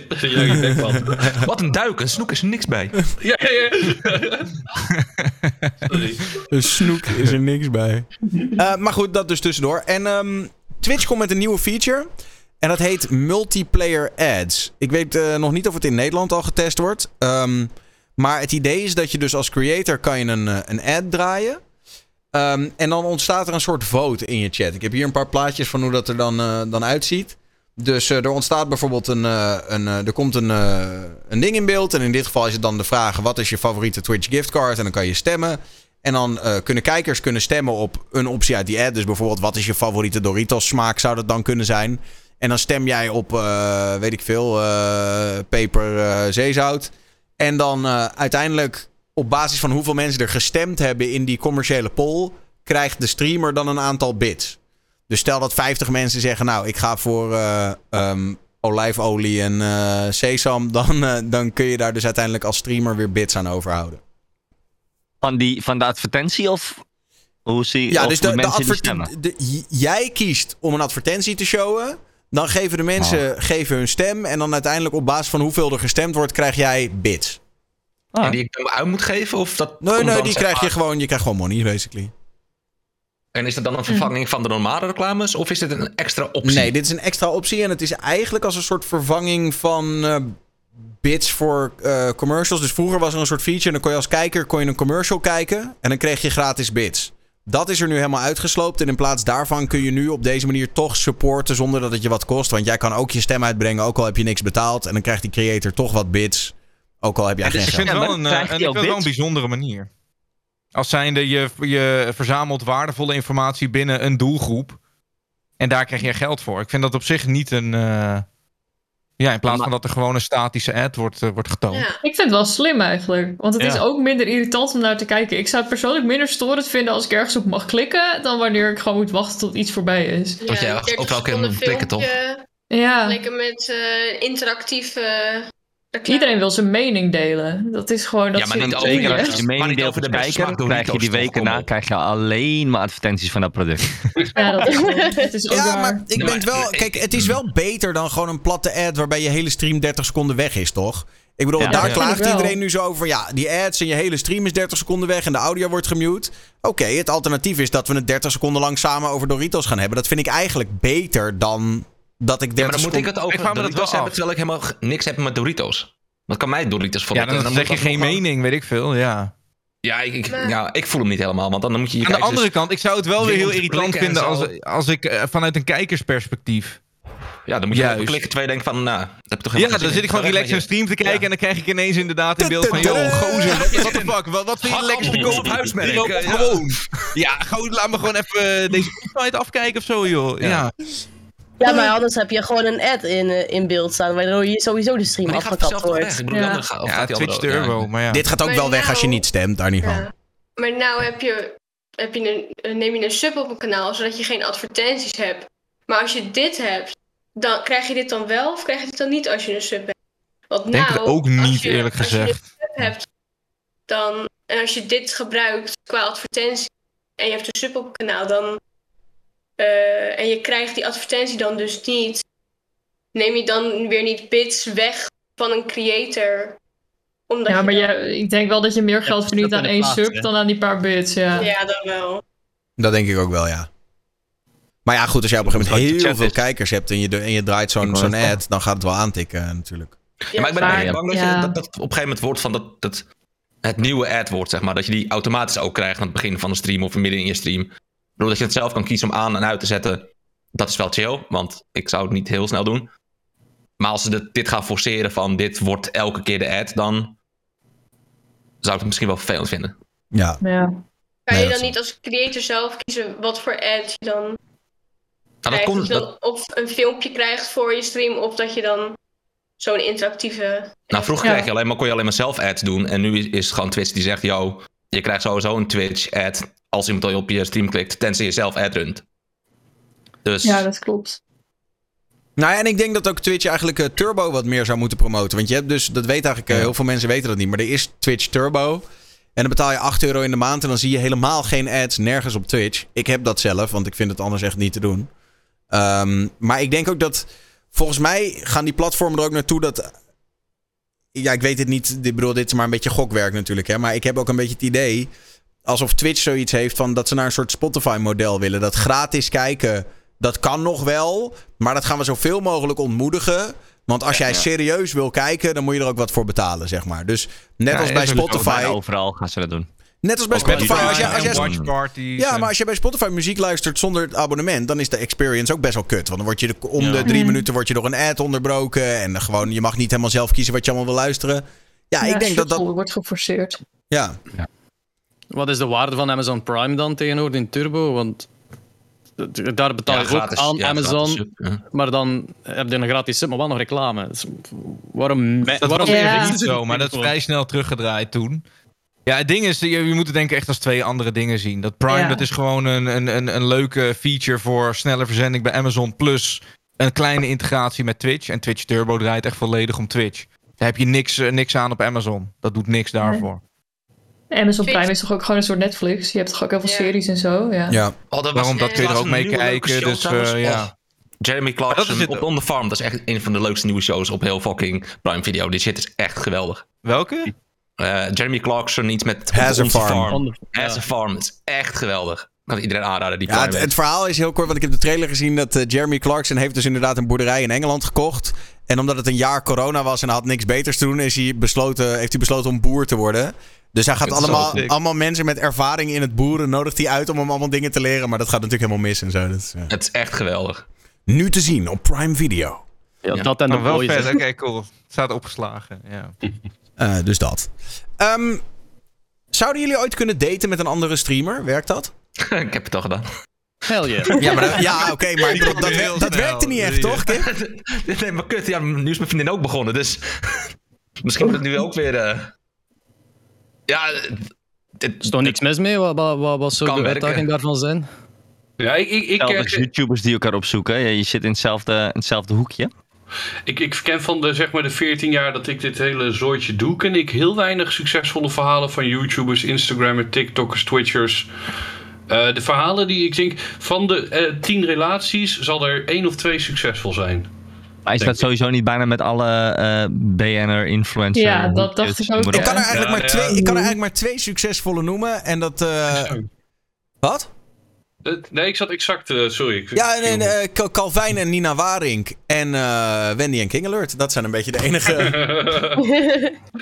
En Serpent en Billy, die doen het ook nog wel. Ja, die doen het doen ook, ja. wel een, Ja, Nou ja. ja oké, maar die hebben zoveel ruzie. Ik bedoel, die relaties... Nee. Waarom denk je dat hij op vakantie is gegaan? Ze hadden heel erg ruzie.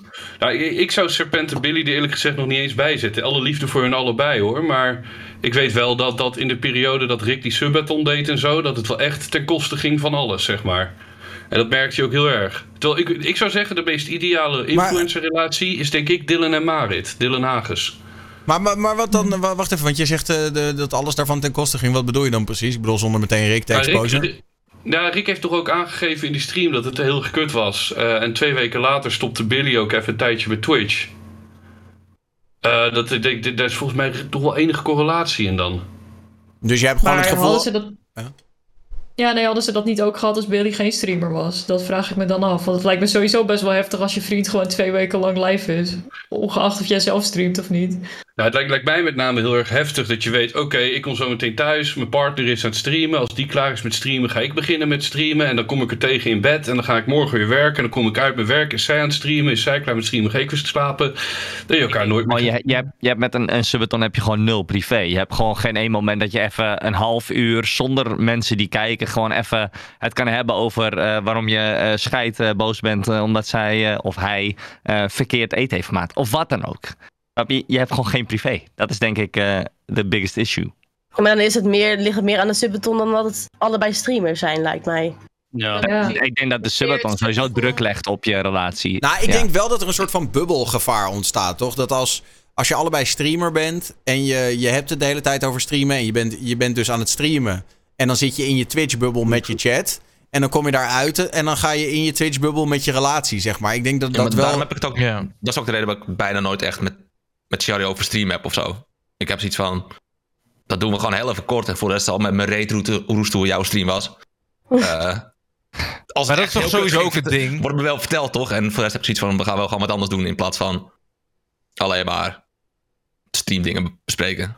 Maar ik denk dat je wel voorstellen ook... dat het er snel insluipt. Ja, maar ik denk ook dat je elkaar gewoon beter kan begrijpen als je gewoon in hetzelfde wereldje zit. Dus net zoals wanneer je allebei bijvoorbeeld in de tv-wereld zit, dan kan je elkaar Ja, begrijpen nu- waar je dat- doorheen gaat. Dat is een veel bredere tak van sport. TV-wereld, mediawereld, radiowereld, kun je allebei inzitten. Is de een productie, de ander presentator, of de een is redactie en de ander is secretaresse. Alleen hier praat je echt over exact hetzelfde doen. Dat is Mm, ja. geen, dit is niet in hetzelfde wereldje, dit is hetzelfde baan. Allebei secretaresse in hetzelfde bedrijf op dezelfde plek bij hetzelfde bureau. En dat is wel, dan kom je uit je werk geïrriteerd om te praten over je collega's. En dat is dan je partner. Dus kan je niet mee praten over je werk. En je, je denkt, hmm, dit gaat volgens mij, dan ga je best wel clashen. Ik denk dat ik voor elke partner ter wereld praat. Is de vraag hoe was het op het werk wordt gevolgd door een half uur. Aha. Aha. you know, al die namen die voorkomen, dat zijn altijd andere namen. Wie is wie weer? I don't fucking know. Heb, het van uw hart. Ik wil u helpen dat te doen. Maar help, allee, vraag me niet het te begrijpen, want fuck all that. Het is zo mooi, als je dan in één keer een naam hoort, René of zo, dan denk je, kut, wie was René ook alweer? Nou ja, of nog erger.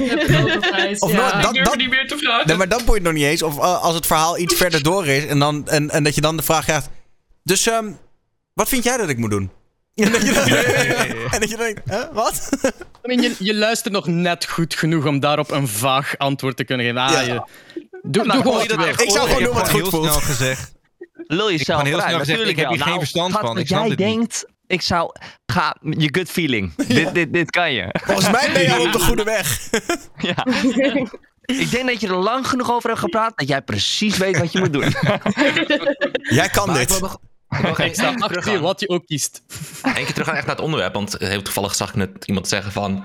In dat opzicht is dat beide streamen wel een voordeel. Zeker als je publiek overlapt. Ik wou net zeggen... Volgens mij is het juist het belangrijkste dat je niet het publiek over gaat lappen. Dat ze niet... Dat wordt eh, moeilijk, denk ik, ja. Dan, dan ga je samen, zeg maar, streamen. En dan is elke dag hetzelfde mensen zijn ook bij jou en bij haar. En dat gaat fout. En dan gaan dingen tegen haar worden gezegd. En dan tegen jou. En dan wordt het één grote teringzooi van... Die zei dat en die zei dat. En nu zijn we boos. En Ja. dan gaat die live. En dan wil die... Van, nou, ik wil hem kijken, maar ook haar. En dan krijg je alleen maar gezeik.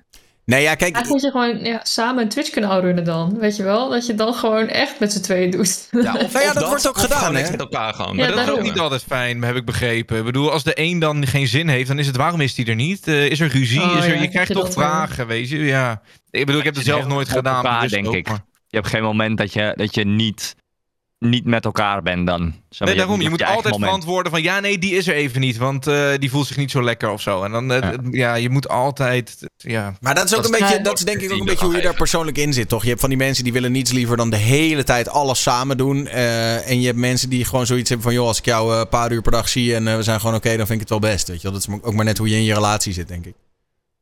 Ja, Ja, maar dat was van waar. mijn persoonlijke ervaring dat dat de beste tip is om te geven. Ga niet elkaar lopen overlappen en houd zoveel mogelijk gescheiden. Eens. Maar het ligt er natuurlijk ook aan hoe vaak iemand streamt. Want als er bijvoorbeeld één een fulltime streamer is, de andere die streamt maar één keer in de week bijvoorbeeld, dan, dan overlap je sowieso al niet echt, denk ik. Ja, ik Nee. moest. Nee. eh, eh, allee, ik, met dat fulltime streamen gedoe. Ik heb, eh, vorig jaar streamde ik twee keer per week. Eh, en er kwam er dan een derde dag bij. En dat was een- redelijk tegen de zin van mijn vriendin in. Die, die wou echt niet dat ik nog meer tijd besteedde aan Twitch in plaats van aan haar. Eh, en dan heb ik de kans gekregen om voor een channel te, te streamen betaald. En kon ik ervan leven en kon ik meer streamen. Nu stream ik elke dag. Eh, en dan moest, dat, dat, dat vergde heel veel overleg Dus nu heb je om nieuwe dat vriendin. gedaan te krijgen. Eh, alleen, het, het vergt communicatie in een relatie, ongeacht wat uw beroepen zijn. Zit in hetzelfde branche of niet. Dus het hele het gedoe van, kun je je relatie aan als je alle twee Twitch-streamers zijn, kun je letterlijk in al beroepen vragen. Kun je alle twee grafisch designers zijn, freelance, en dan mekaars job af. Ja, nee, dat is gewoon communicatie en overeenkomen. Ja. Dat is heel belangrijk dat je dat hebt. Als je niet bij elkaar past, dan gaat dat niet gaan. Of je nu Nee, streamt precies. Als, niet. Als je zeg maar echt voor elkaar wil gaan, dan maakt het niet uit wel- wie wat voor beroep heeft. Ja. Dat Oh, maakt buiten- buiten uit, het- denk ik. Buiten stream heb je toch genoeg eh, eh, mannen en vrouwen of relaties of wat dan ook die samen een bedrijf runnen of wat dan ook. En dan doet de ene Ja. misschien het uitvoeren en het andere het plannen. Ik noem maar wat. Ja, Ja, nou, laat ik het ik, denk dat het in alle beroepen zou kunnen werken. Ik heb bijvoorbeeld letterlijk deze issue een soort van gehad met mijn partner natuurlijk. Ik heb net een half jaar een relatie. En eh, zij doet nu geen Twitch meer, want ik, ik zat er zelf ook een beetje mee. Want mijn keuzes gaan haar direct beïnvloeden. Ik ren rond als Hitler over een gasveld. Zij wordt daarvoor afgerekend. En dan ga, moet ik dus minder leuke dingen gaan doen, omdat zij daar de dupe van is. Of als, als, zij, als zij iets... Niet, niet als Hitler over een grasveld kunnen rennen is minder leuke dingen doen in het leven van Bardo. Nee, oké, helder. Eh, dat was, dat was wow, geld daar verdiend aan Hitler. Dus wat dat betreft, het hele punt is weer... eh, ik zit meer van de keuzes die je maakt als je allebei een influencer bent... gaan de anderen daadwerkelijk beïnvloeden. Ik kijk naar iDubbbz, een van de grootste YouTubers. Zijn vriendin maakt een OnlyFans aan. Sindsdien is iDubbbz alleen maar abonnees verloren. Zijn kanaal is kapot en hij wordt overal uitgelachen. Omdat zijn vriendin per se een OnlyFans wou. Is zijn carrière kapot en haar carrière begonnen. En dan denk je, ja, dit zijn dus wel, eh, als je zoiets aangaat, het is niet zoals ik net hoorde, alsof je allebei stucadoor bent of, of als je, als je allebei bakker bent of zo. Voor de camera, in de media, dan ga je elkaar daadwerkelijk beïnvloeden. Als de een in de blote bibs over straat rent, zijn allebei de carrières voetsie, zeg maar. Ja, dat is wel echt zo. En dat is denk ik dan, ja, hé, hey, dat is gewoon heel naar hieraan. Waardoor ik zou zeggen, ja, pas ermee op. Je zal maar een bedrijfje opbouwen en dat je partner zegt... hé, hey, nu ga ik Bardo nadoen als Hitler en dan is alles weg. Je moet sowieso hele goede eh, afspraken maken. Zou je met een partner eh, iets samen gaan opstarten, denk ik. Toch denk ik wel dat bij, bij Vlagen gevoel het over gaat nemen. Als ik naar mijn ouders kijk, die hebben dan beide... eh, runnen ze dezelfde winkel. Mijn moeder doet daar een deel van mijn vader doet daar een deel van. Ehm, dat gaat heel vaak heel goed. Maar ik heb ook zeker avonden meegemaakt die minder gezellig waren. Omdat het niet zo goed ging. Ehm, en ja, nou zijn zij gelukkig vrij... Weet ik veel. Zij communiceren vrij goed op een gegeven moment. Maar dat is echt wel eens anders geweest. Het klopt wel. De, de, ook hier is, ja, zijn er twee kanten. Het kan super mooi zijn. Als het goed gaat, gaat het super goed. Gaat het twee keer zo goed, zou ik bijna willen zeggen. En als het kut gaat, gaat het twee keer zo kut. Heb ik het idee altijd. En dat, eh, ja. Ja. Ja, eens. Tja. Ja. Ehm, ik weet niet of jullie gisteravond naar de televisie hebben zitten kijken, maar eh, Of was het alweer eergisteravond? Nee, het was alweer eergisteravond. Hoe dan ook, op één had eh Bilal Wahib te gast. Een, een paar maanden na het grote incident waarbij hij 17.000 euro beloofde aan eh, een jongen om eh, zijn ding te laten zien. En nu zat hij daar aan, de, eh, zat hij daar aan tafel en heeft hij zijn excuses aangeboden. Onder andere werd ook nog besproken van... joh, hoe was dat toen jij uiteindelijk aan je moeder vertelde... wat er allemaal gebeurd was? Nou, dat was best wel heftig. En daar heeft hij ook wel over moeten, moeten huilen. Ik heb een fragmentje erbij. Is even kijken. Ja. Hier is een fragment. Nu alles om me heen instorten. Dat was misschien ook niet zo handig dan. Dat je toen ook de nadruk op je eigen ellende legde. Nee, met alles bedoel ik dan ook zijn leven. Ik zie nu alles, ik zie nu alles om me heen gewoon instorten. Dus eigenlijk gewoon alles. Mijn Ja. moeder, mijn, eh, dat jongetje, eh, mijn hele familie stort in. Wat vond je moeder? Want die is heel belangrijk voor jou. Mijn moeder is mijn schatje, man. Ik, ik, ik, eh, Maar die heeft jou natuurlijk normen en waarden meegegeven. ik kon er ook even niet aankijken, nee. Wat heeft ze gezegd? Nou, ja. ehm, wat ze heeft gezegd, ik kwam binnen en ik. eh,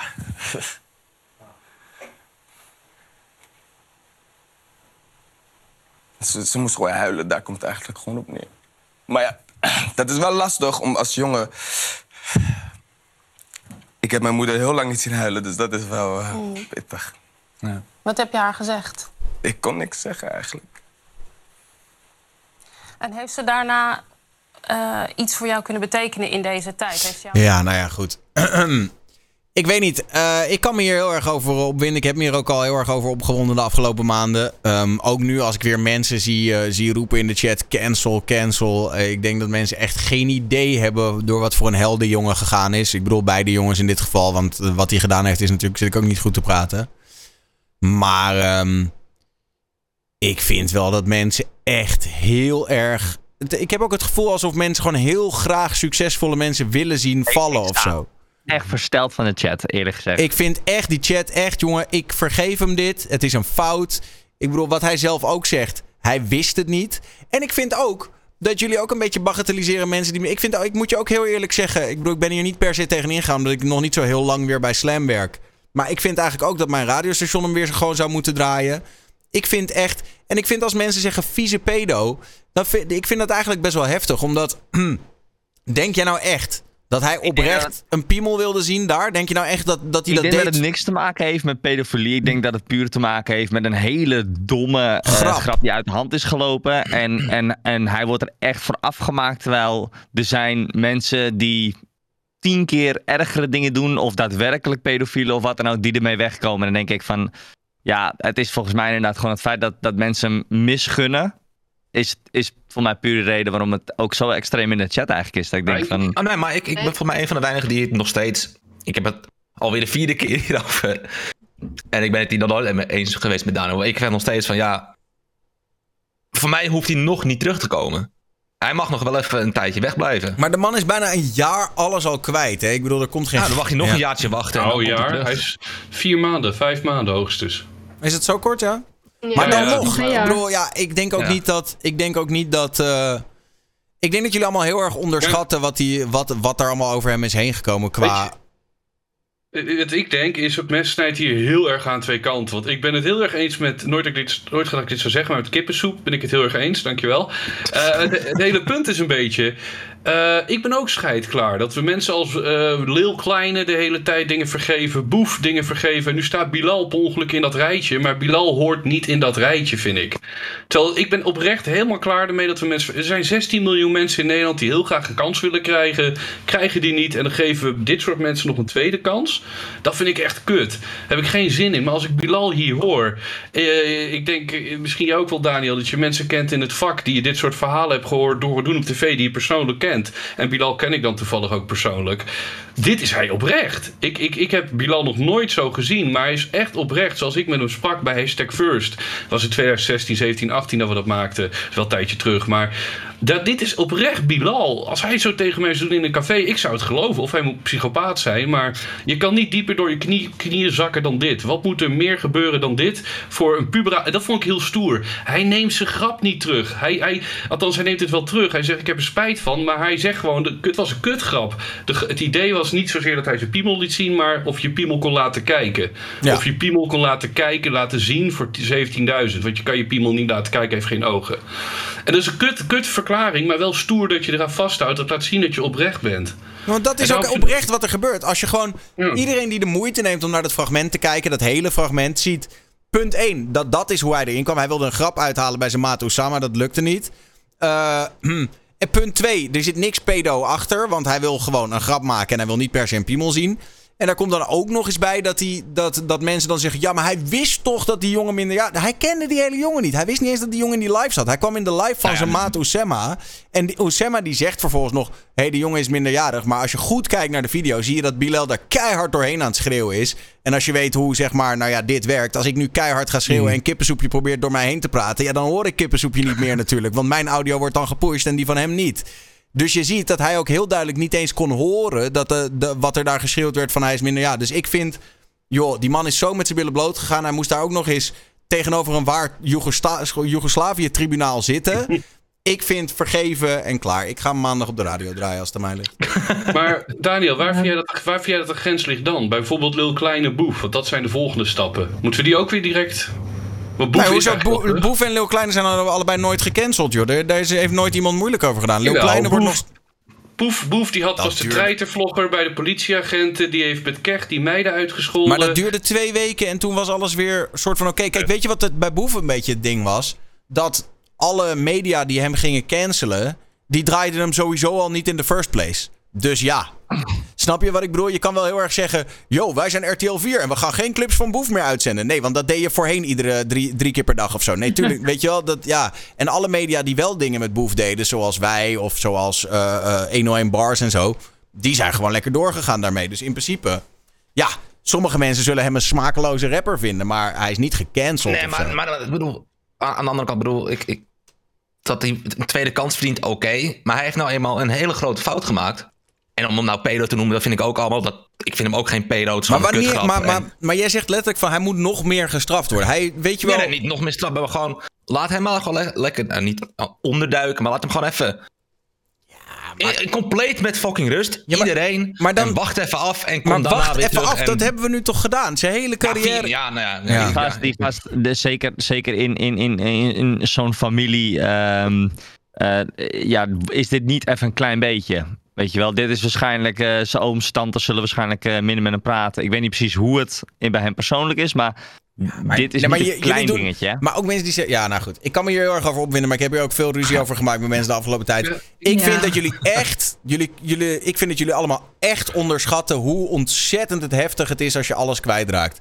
Weet je wel, ik heb toen dat autorijincident gehad... waarbij heel Nederland mij uitkostte... en ik excuses moest aanbieden bij het Jeugdjournaal en zo.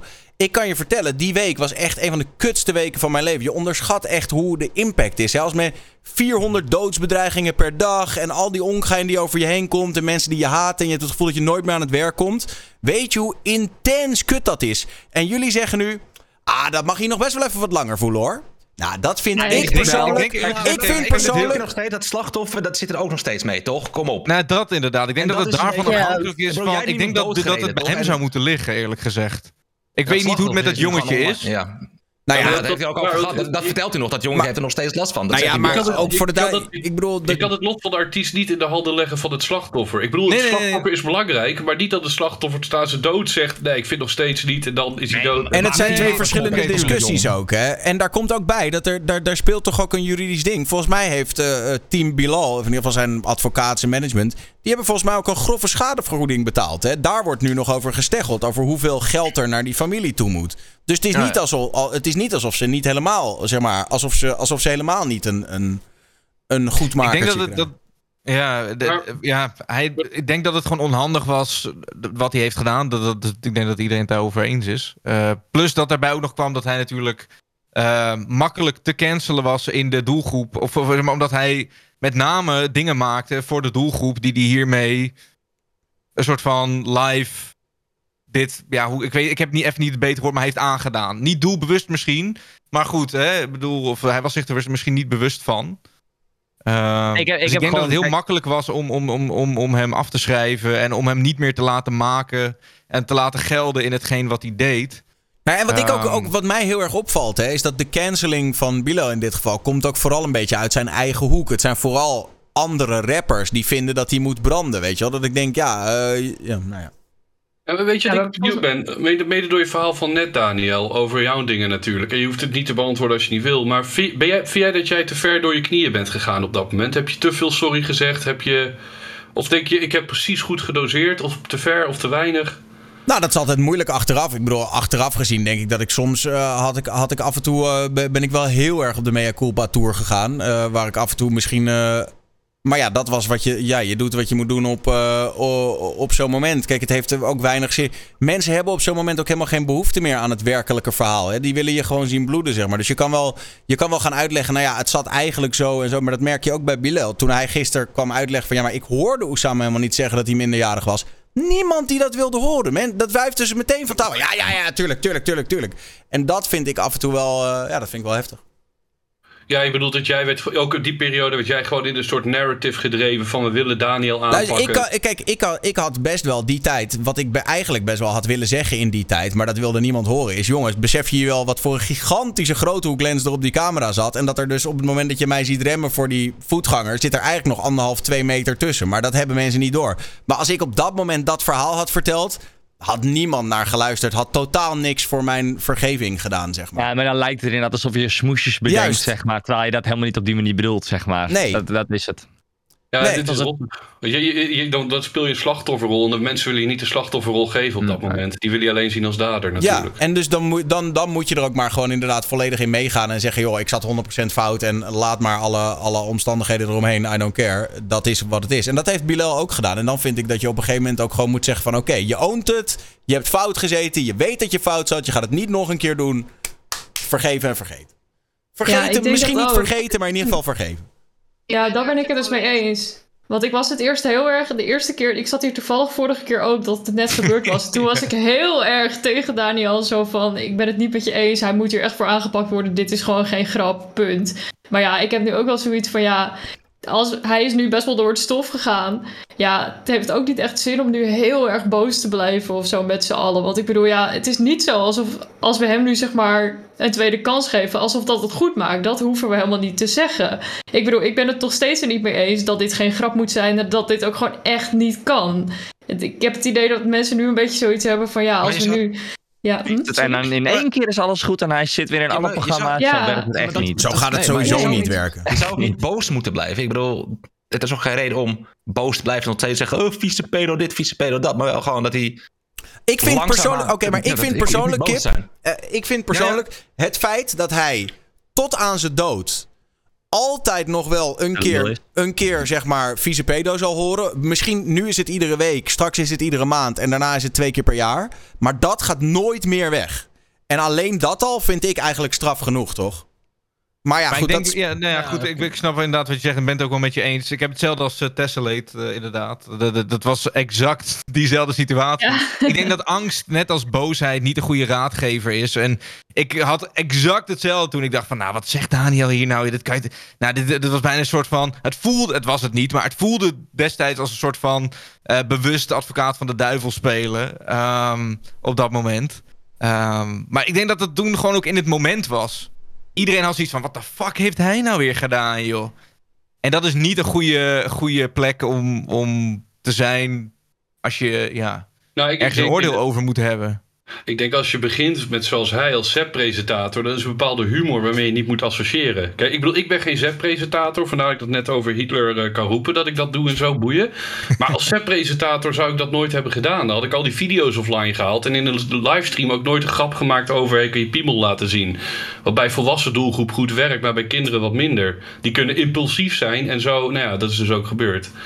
En Ja. ik zit te, wat ik zit te denken, stel het is mijn neefje. Oké, heel persoonlijk. Had ik het Bilal dan vergeven? Ja, uiteindelijk had ik mijn neefje wel aangeraden om het Bilal te vergeven. Ja, nu in ieder geval in deze periode. Ja, nee, maar ik had gisteren ook een discussie met een vader. eh, Gewoon een vader in general. Die, eh, want we hadden het hier op Discord over. En die zei tegen mij: Ja, ik had hem zelf op zijn bek geslagen. Ja, dat snap ik. En als jij de, de vader bent van dat jochie, wie dat is overkomen. en jij gaat er naartoe en je slaat hem op zijn bek. Ja, kan ik begrijpen. Want dan handel je uit emotie. Maar we moeten niet als heel land bij elkaar uit emotie gaan handelen. Als de vader dat zelf doet, of dat jochie zelf, kan ik begrijpen. Maar als wij met z'n allen een soort plaatsvervangende emotie gaan voelen. en daardoor. eh, ik, snap met on- die, ja. die, ik snap die eerste fase ook. Die eerste fase van, oké, ehm, we draaien zijn muziek niet. En, en dat hij inderdaad bij een of andere serie dat hij eruit geschreven wordt, die snap ik wel. Eh, maar om dan gewoon te zeggen, oh ja, en voor de rest, nu mag hij nergens meer draaien met zijn muziek. Oh ja, en, en, en hij gaat ook nooit meer aan de bak. Hij hoort nooit meer aan de bak te komen.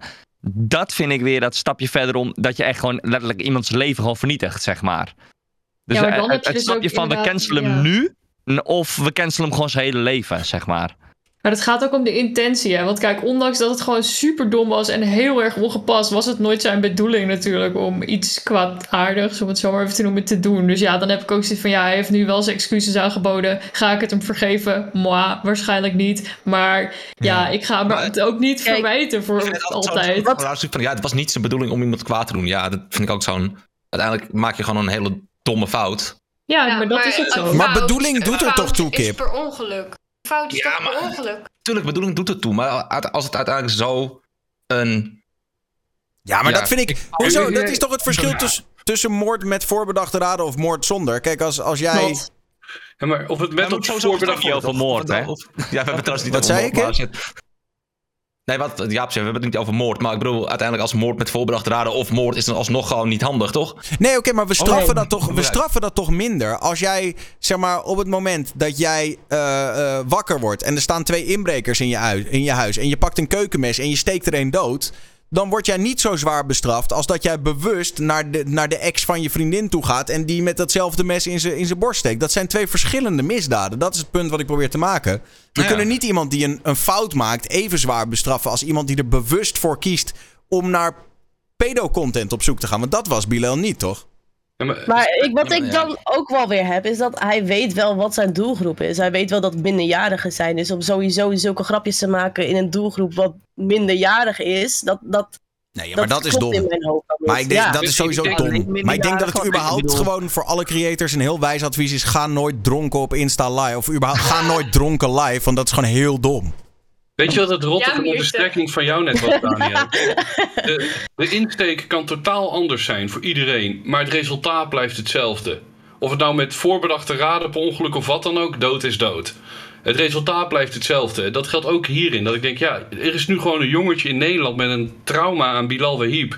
En ik kan me ook indenken voor hem dat het niet fijn is als hij een dag later alweer eh Tigers op de radio hoort of Bilal bij de NPO 3 ziet. Alleen ik snap ook dat hij niet voor vijf jaar weg hoeft eh, aan de hand van de intentie. Maar het resultaat blijft hetzelfde. Iemand Ik kan me herinneren dat toen de tijd waren er ook heel veel, was er, waren er ook heel veel nieuwsberichten. Waarin nog gesproken werd over dat het onderzocht werd. Over, over dat het nou verspreiding van kinderporno zou moeten worden. of weet ik veel. Er was ook gewoon heel veel onduidelijkheid. En dat ik, in de combinatie met die boosheid die bij heel veel mensen eh, heerste. ja, dat is gewoon niet handig. Ehm, ja, ik denk dat dat, dat sowieso bij he- heel veel mensen, gok ik, wel iets minder is geworden nu. En dat Nou ja, daarom de wel- ruimte op, bij op één ook gegeven is. Ik vond op zich die, die, die uitzending toen bij Bo, misschien was het niet heel. Want daar, dat was toen, ik geloof een dag later of zo, of een week later, dat hij mogelijk bij Bo zou zitten. Dat is uiteindelijk niet doorgegaan. Ehm, maar ik had het persoonlijk best wel. eh, de- een, misschien is het mediatechnisch gezien helemaal niet verantwoord en is het heel dom. Maar ik had het persoonlijk best wel sterk gevonden als dat wel door was gegaan. eh, dat je daar de andere kant van het verhaal hoort. Want wat Bardo net zegt, ik zie hier iemand die heel oprecht gewoon daadwerkelijk last heeft hiervan en spijt hiervan heeft en ja, dit gewoon ontzettend vervelend vindt, logisch.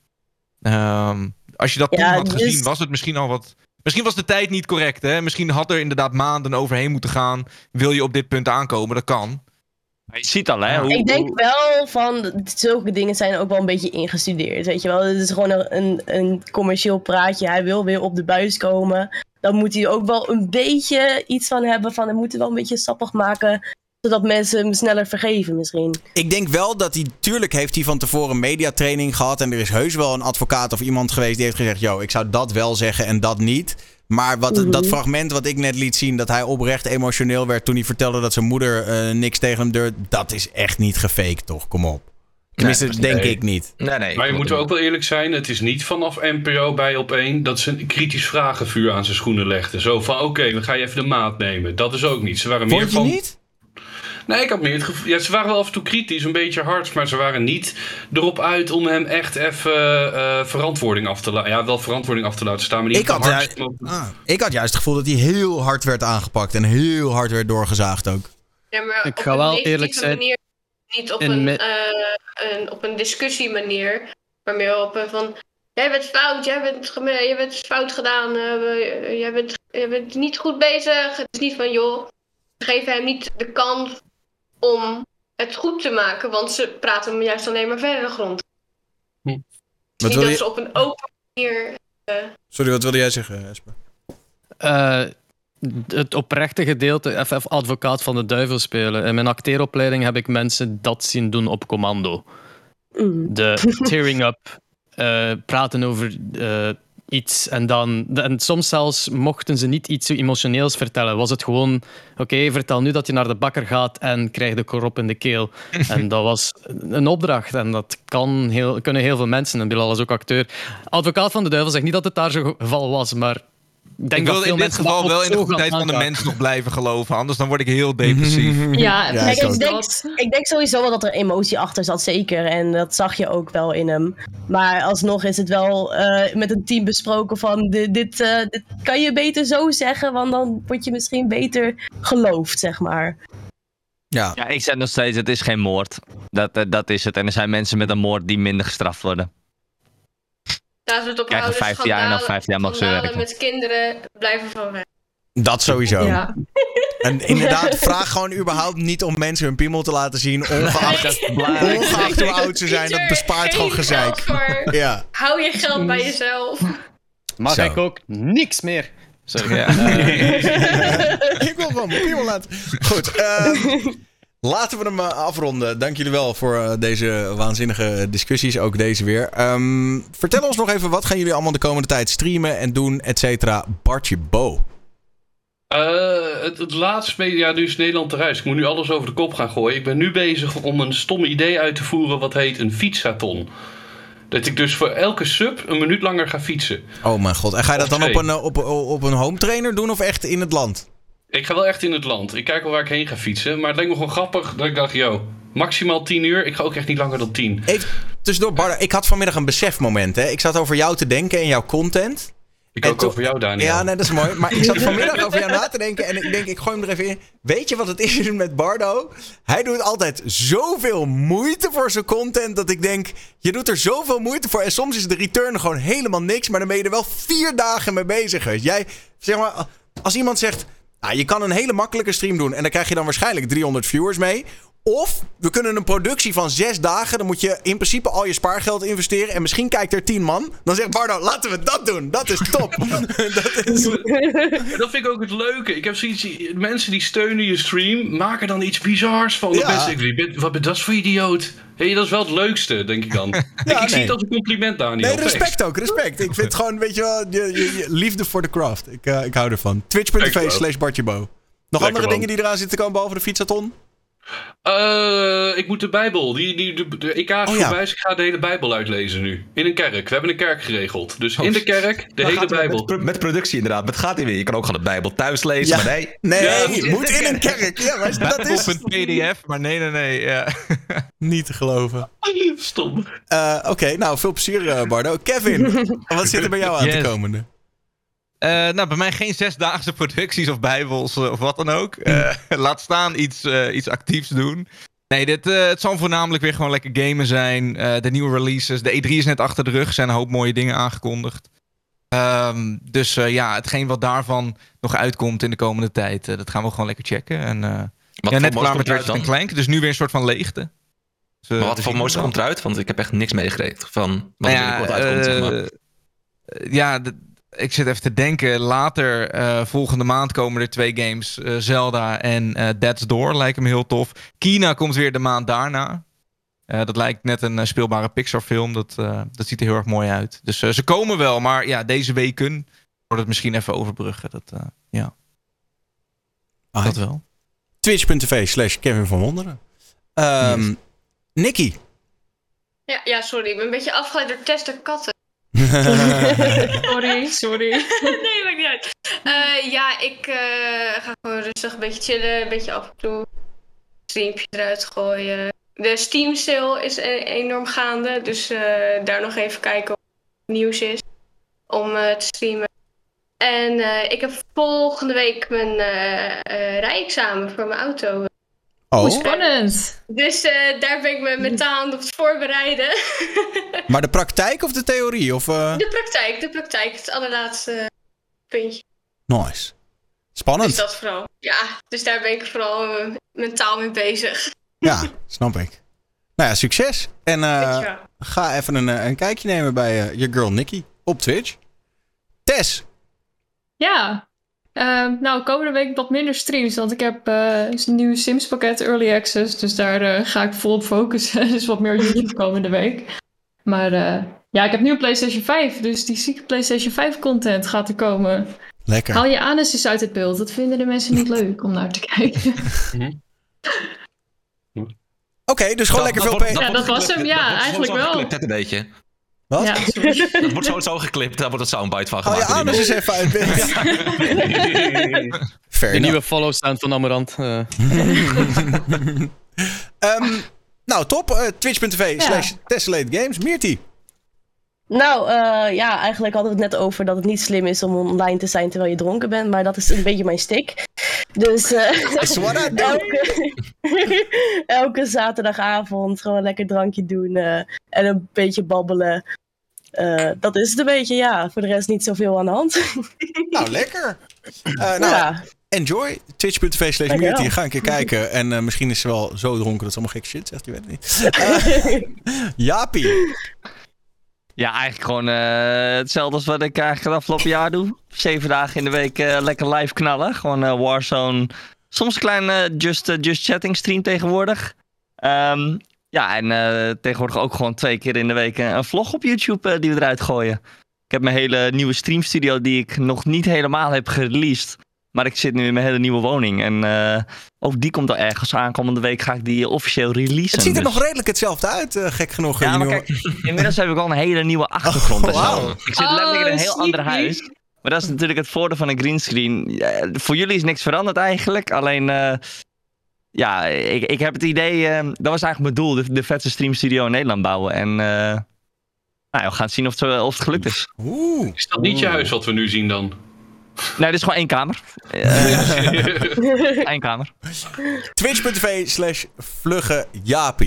En dan, gefeliciteerd met de winst. Eh Esper, je hebt eh, net... eh, ik bedoel, eh, de Belgen hebben net eh, de winst gepakt. Jij represent België vanavond. Wat ga je de komende tijd allemaal streamen? Eh, het voetbal. Nee. Eh, eh, ik, heb, ik heb net vier dagen festival achter de rug. Eh, als in een festival hier op mijn stream. Oh. Dus ik ga het nu de komende dagen weer wat rustig doen en voor mijn baby zorgen en zo. Dus eh, als je baby's en katjes on stream wil zien terwijl ik doodga van vermoeidheid, eh, dan moet je bij mij zijn. Daddy life. ja. Nou, lekker. Thanks dat je wilde joinen, man. Ehm, geef hem ook even een followtje. Onder in beeld eh, staat de link. En zo ook voor nu onze kipsoepje. Ja, nee, dankjewel dat ik weer de last minute vervanging mocht zijn. Daar, Daar ben ik je voor. altijd, eh, daar ben ik voor. Ja. Eh, ja, ik ga gewoon weer GTA RP doen. En sinds kort speel ik eh, XCOM 2. Eh, samen met de chat. Dat je iedereen een eigen naampje geeft die aan het kijken is. En ik ben er moeilijk Wacht even. XCOM 2, Alles dat is, toch fout. die, dat is toch die turn-based... eh, Ja. Oh, daar wil ik wel een keer meedoen. Ja, alles gaat fout, alles gaat kapot, iedereen gaat dood. En Ik dan, wou zeggen, hoeveel zijn er al dood? En dan, dan word ik, en dan word ik heel boos en doe ik load game. En dan ga, word ik nog boos omdat het me weer niet lukt. En dat is een beetje hoe de afgelopen tijd gaat. Aight. Twitch.tv slash kippensoepje. Ga een keer kijken. Alles gaat weer fout hier. Eh, dank aan eh, alle deelnemers van vanavond. En dank ook aan eh, de chat dat jullie er allemaal weer bij waren. Ja, ik vond het een mooie talkshow zo. Ik zit even te kijken of we nog een leuk iemand kunnen reden. Ik weet eigenlijk niet wie, wie dit is. Maar iemand staat volgens mij harde... Wat is het? Hardcore is het? Ja, iemand staat Evil Activities te pompen. Nou, dan gaan we daar even naartoe. Ik wens jullie verder allemaal een bijzonder fijne voortzetting. Dank voor het eh, joinen aan eh, de hele cast van vanavond. Volgende week zijn we er waarschijnlijk weer, gewoon op zondagavond. En eh, Tot die tijd, doe rustig aan met jezelf en met anderen. Join misschien de Discord, want daar is het altijd gezellig. En eh houdoe. Dag! Doedels. Ciao. Doei. Dag, Bye. dag, dag.